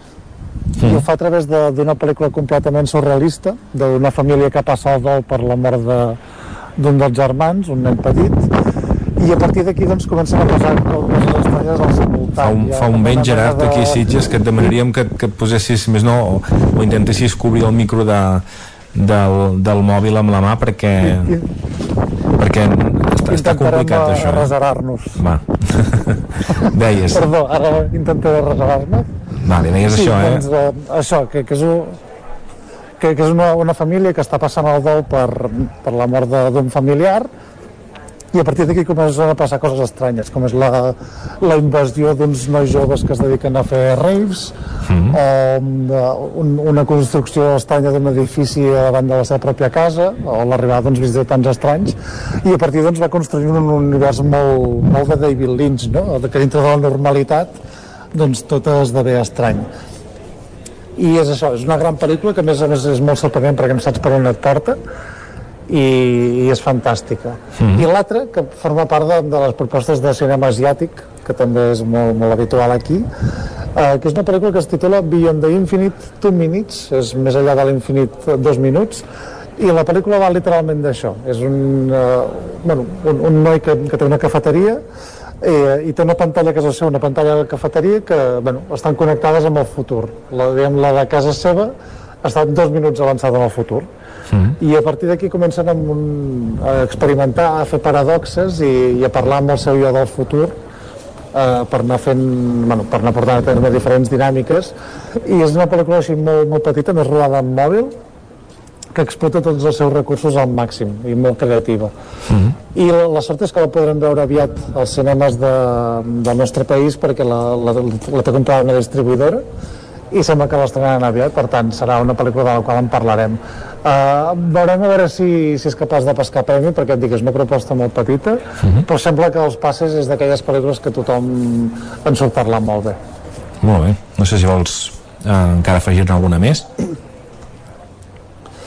Sí, n'afegirem un parell més. Una d'un autor ja més consolidat, que és eh, Ben Whitley, eh, que ha fet una pel·lícula que es titula In the Earth, i que destaca perquè és una pel·lícula que va rodar durant el confinament. De fet, l'any passat no va passar tant, perquè van arribar pel·lícules que ja estaven fetes d'abans, però aquest any ja estem veient pel·lícules que, que tenen aquestes ferides de, de, del, del confinament, el fet d'haver de, de, de rodar en pandèmia. I de fet aquesta ja parla d'un món que està en, en pandèmia, no? és una pel·lícula que, que entra molt dintre el tema de, del terror ecològic i és una investigació sobre com, com curar una mena de virus o, o no se sap ben bé què que, doncs, que, que ha afectat a la humanitat. I és interessant perquè les mateixes proves PCRs i controls de seguretat que fan per la pel·lícula doncs, um, doncs ho aprofiten per, per rodar també no? i forma part de les dinàmiques de, de la pròpia pel·lícula, els temes que es tracten doncs, estan també allà posats i és interessant com, com ho aglutina tot no? i a més a més sent una experiència cinematogràfica bastant al·lucinant tant pel, pel disseny de so com per les imatges psicodèliques que acaba posant no? una mica a l'estil 2001 perquè ens entenguem Mm. i és una pel·lícula molt petita però realment molt, molt interessant Mm. i l'altra que també es volia destacar és una proposta de, de cinema espanyol que, com sempre, aquí Sitges se n'estrena bastant. Aquest any hi ha hagut molt pes per Històries para no dormir, no? de la sèrie que estrenaran el 5 de novembre a Amazon, basada en històries del Chicho Ibáñez Serrador. Uh, però entre el que és uh, purament cinema, de pel·lícules, uh, destacarem una que es titula 3, de Juanjo Jiménez, que també la vam comentar a la prèvia com una de les interessants, i realment està molt bé. És, jo esperava una pel·lícula més experimental, però, però està construïda com un drama, però realment està molt bé. I la protagonista i la premissa és, és interessant. És una noia que és muntadora de so Mm.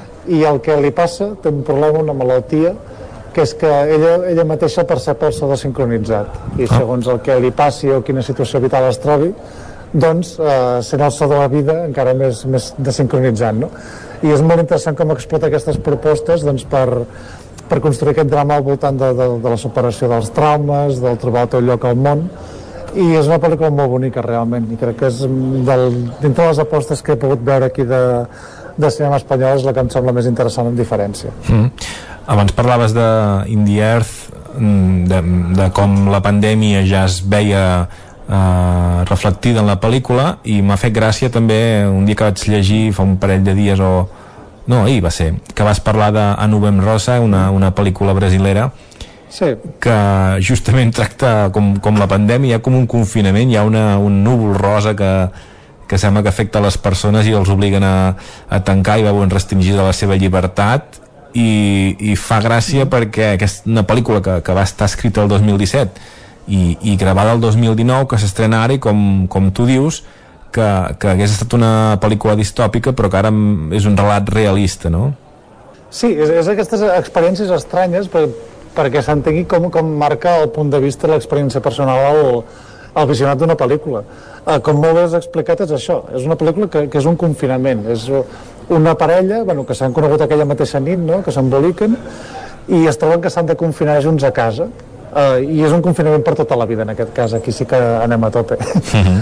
però, però bé, clar comences a veure coses, el tema de les videotrucades el tema de, de, del menjar el tema de les limitacions de llibertats per tant de, tant del govern, com arriba la informació és que és una crònica d'una cosa que, que ha passat no? i mm. ostres, eh, quina diferència haver-la vist en el seu moment i el fet de veure-la ara després d'haver tingut aquesta experiència mm. I, però bé, va ser una, una cosa molt, molt curiosa i a més la pel·lícula està bastant bé mm. que passa que clar, hi ha un moment que ja t'avorreixes perquè ja saps el que passarà no? però, mm. però vaja eh, coses que passen molt bé doncs encara queden uns dies de, de festivals segurament ja, ja en tornem a parlar però, però explicant ja quin és el guanyador i, i amb titulars d'aquest Festival de Sitges 2021 ara si et sembla, per la gent que no tenim sí. l'oportunitat o que no hem anat a Sitges eh, fem un repàs a, a les estrenes d'aquesta setmana comencem per el, el Buen Patrón si et sembla posem un fragment del tràiler i després en parlem Tenemos mucho que celebrar, que gracias a vosotros hoy somos finalistas del premio que da el gobierno regional a la excelencia empresarial. Excelente. Es un momento muy delicado. No podemos tener ese individuo ahí cuando llegue la comisión. ¿Por qué nos deja sin premio? ¿Qué dicen las pancartas? Lo que dicen siempre las pancartas. Nada bueno. Equilibrio. El equilibrio es muy importante. Mi mujer dice que necesita aire. Le compro una botella de oxígeno o qué cojones. A veces hay que trucar la balanza. Molt bé, doncs uh, tenim aquí a Javier Bardem, explica'ns què veurem al Buen Patrón. Doncs Javier Bardem en un, en un molt bon paper, uh, com a mínim així, així s'ha valorat, i a més és la pel·lícula espanyola que representarà el, el país als Oscars, no? Um, és una, bueno, sí, sí arriba, òbviament, però bueno, com a mínim és la seleccionada. Um, és la nova pel·lícula de, de Fernando León de Aranoa, i ha estat qualificada ja com, com una mica com el revers tenebrós de, de les lunes al sol eh, és el mateix director, és el mateix protagonista i és el mateix context, en el sentit que parla de, del món laboral i la, la relació entre, entre rics i pobres. No? És una pel·lícula basada en la lluita de classes. Eh, si a les lunes al sol teníem uns eh, treballadors que, que buscaven feina, que estaven a, a l'atur, no? i era un drama molt, molt humil, Aquí el protagonista és un, un patró d'una empresa que, que ha de rebre un, un premi a l'excel·lència no? i quan hi van els jutges doncs, comença a trobar-se eh, molts problemes, molts problemes que se li van acumulant i està narrat en forma de comèdia. Um, ja sigui des de la comèdia des del drama doncs és, és una pel·lícula amb, amb molt mala llet, és, és d'aquest cinema de crítica social potent i que, que promet moltíssim. Va, va sortir molt bones crítiques del, del, del Festival de Sant Sebastià, tot i que no, no va guanyar finalment, eh, però bé, veurem quina resposta en té el públic i si arriba a assolir la mateixa dimensió que la seva predecessora, no? que és la, Les lunes al sol. Molt bé, aquesta la podreu veure, Buen Patron, al cinema Sucre de Vic i també al cine Granollers. Una altra pel·lícula que també podreu veure en aquests dos cinemes és Venom. Eddie, deberíamos estar ahí fuera zampándonos a los malos. Soy un depredador. Necesito libertad. Tienes que controlar tu agresividad. O nos llevarán a rastras al área 51. En aquest cas, la, la segona part, Venom Habrá Matanza, eh, pel·lícula de, de Marvel d'aquest antiheroi, no? De fet, Venom és, és, és el dolent de, de molts còmics i, i aquí doncs eh, vaja, hem de confiar una mica en ell no? Sí, aquí és una aposta que va fer Sony recordem que, que Spider-Man està com dividit entre Marvel i Sony el que són els, els drets i en aquest cas, com que Marvel està explotant Spider-Man, no? un tracte que van arribar, doncs el que ha fet Sony doncs, és començar a fer pel·lícules amb, amb els dolents. I de fet n'hi ha una que està pendent d'estrena, però que sí que ha funcionat bastant bé és aquesta de, de Venom, protagonitzada per Tom Hardy, i aquí està amb una continuació. La curiositat és que està dirigida en aquest cas per, per Andy Serkis, que és el, el Gollum del Senyor dels Anells, mm -hmm. habitual per embotir-se trajes eh, per fer personatges en tres dimensions, i aquí agafa les regnes de la direcció. S'ha de dir que d'una manera bastant matossera, perquè bàsicament és tot un ball d'efectes digitals sense massa sentit, Um, I el més interessant, com passa la primera part, és aquesta mena de, de de, de buddy movies, no? de, de col·legues que, que hi ha entre el personatge de Tom Hardy i l'alienígena aquest que és Venom, doncs, que, que li surt el, el cap de l'alienígena per darrere doncs, i es dediquen a, a xerrar entre ells, que si un vol matar no sé qui, l'altre no... Bé, és una, aquesta comèdia d'amics doncs, que s'ha convertit aquest personatge que, com molt bé has dit, doncs, és el dolent de, habitual de, de Spider-Man i veurem si arribaran a trobar-se algun dia aquests dos universos ja, mm. ja ho sabrem més endavant mm. en aquest cas hi ha, hi ha un mutant un, un alienígena encara és més, de, de, mateix tipus de, de Venom que encara és més dolent i, i s'haurà d'enfrontar uh... Sí, bàsicament perquè l'hoste és, és un psicòpata mm. i a partir d'aquí doncs òbviament sí, aquest matanza és, és un bitxo molt semblant al, al Venom de fet ve, de, ve de, de, de, de la mateixa procedència alienígena uh mhm. -huh. i, i bé, diguem que en aquest sentit doncs, rivalitzen a veure qui és el més poderós molt bé doncs la, la segona part de Venom Habrà Matanza que també es podrà veure aquests dos cinemes a Vic es podrà veure Tokyo Shaking també doncs eh, això amb, amb, amb, amb el medi ambient amb la crisi climàtica eh, enmig i avui també en volem parlar d'una que és infantil, normalment no, no en parlem i, i, i ho, potser ho hauríem de fer més eh, que es diu Dos col·legues i la gran bèstia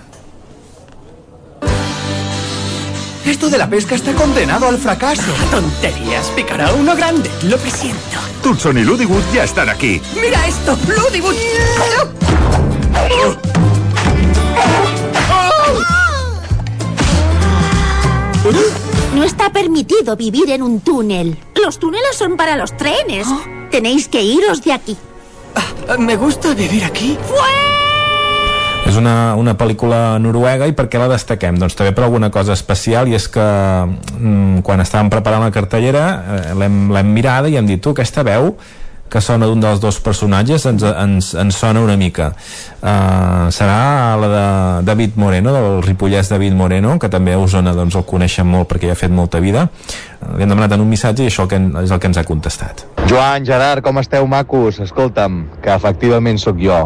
La veu del Ludibut, del Tutson i el Ludibut, doncs sóc el Ludibut, eh, hi ha el Roger el Moreno, doncs jo sóc el Moreno, eh, com jo, el, el Moreno i, i res, uh, me'n recordo alguna frase de la peli que era tipus Ei, Tutson! Ajupa't, corre! Afanya't, que ve la gran bèstia! Era una cosa així.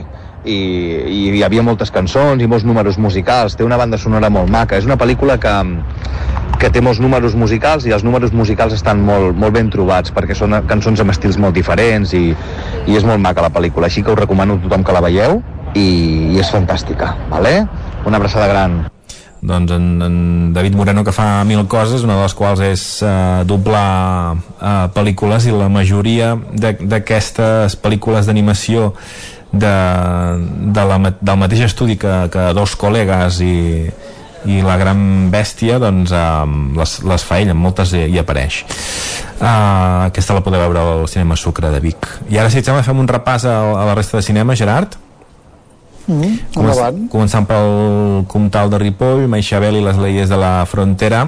N'hem parlat en altres, en altres uh, sí, setmanes. i, i a més, curiosament, dues, dues pel·lícules que es van estrenar gairebé seguides. Una, això, aquesta pel·lícula entre, aquesta manera de reconciliació entre una terra i víctimes de terrorisme i l'altre Cinema Quinqui fet a, a Girona càrrec de Daniel Monzón o sigui, dues pel·lícules molt recomanables i a més a més fetes aquí Mm. El cinema Catalunya de Ribes, Les dues nits d'ahir, de Pau Cruanyes i Gerard Vidal.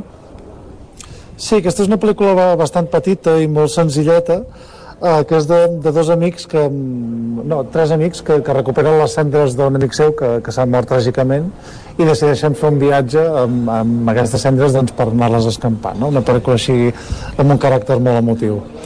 A l'Esbarjo, de Cardedeu, eh, hi ha un documental, el retorn a la vida després de l'ISIS. Uh, tampoc no, no cal dir-ne gaire res més, però, però no, Sí, jo, jo en aquest cas no, no, no, no desafortunadament, desafortunadament no, Mhm. no ho conec, però bueno, és això, un, documental que, que parla després de, Mhm. eh, de, la, desapari de la desaparició de ISIS, en Mhm. aquest cas aquesta organització terrorista, i, i bé, és una, Mhm. aquesta història amb, amb caràcter social. també les conseqüències, eh, els Olchis i les dues nits d'ahir, això ja serà el 21 d'octubre, ens hem avançat una mica. No sé si de, de les altres dues, les conseqüències i els Olchis, en vols destacar alguna o... Dels Olchis no, no la conec, és pel·lícula mm, infantil, Uh -huh. i les conseqüències sí que és eh, també una pel·lícula així de, de misteri que s'ambienta en una illa volcànica, no sé si l'han programat arran de, del, de l'erupció del volcà de la Palma ja fa, ja fa uns dies, però, Mm. Però bé, és eh, que una mica de, aquesta història també d'un viatge que van allà i on es dedica a fer una espia de, del lloc. Uh -huh. I ja per anar acabant, el Casal Camprodoní, Quién es quién, una pel·lícula d'humor. Sí, és d'aquestes comèdies franceses que tant m'agraden, entre cometes. Aquesta eh, és eh, això, comèdia familiar de la família que es reuneix i passa una cosa que és que els cossos i les ments s'intercanvien. És, és com el, la ment del net està a la- a l'àvia, eh, la ment del pare està a la serventa, perquè sempre hi ha una serventa a les comèdies franceses, Uh -huh. Uh, I bé, i doncs hem de descobrir qui és qui, en, en aquest cas, i trobar la manera doncs, de, de tornar cadascú al seu cos. Molt bé, doncs eh, fet el repàs també dir que també comença el Festival Protesta a Vic del 15 al 23 d'octubre de 2000 d'aquest 2021 i vaja, que Mm. no ho repassarem perquè ja ho va explicar ahir també en l'agenda cultural Miquel R eh, al Territori 17 per tant que ho deixem aquí. Gerard, moltíssimes gràcies i passa-ho molt bé. Moltes gràcies, ja us ho acabo d'explicar la setmana que ve també. vinga, adeu-siau Gràcies, Gerard, gràcies, Joan. Acabem aquí al territori 17. Núria Lázaro, Caral Campàs, Òscar Muñoz, Guillem Sánchez, Guillem Rico, Isaac Muntades, Maria López, Jordi Soler, com sentiu ara, Gerard Fosses i Joan Garcia, Jordi Sunyer i Isaac Moreno. Us hem acompanyat des de les 9 del matí. Acaba el territori 17 i tornem, però, demà a la mateixa hora. A partir de les 9 serem aquí. Adéu-siau.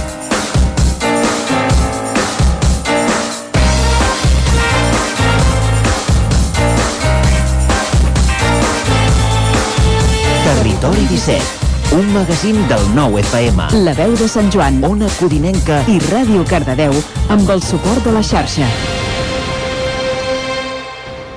El nou FM.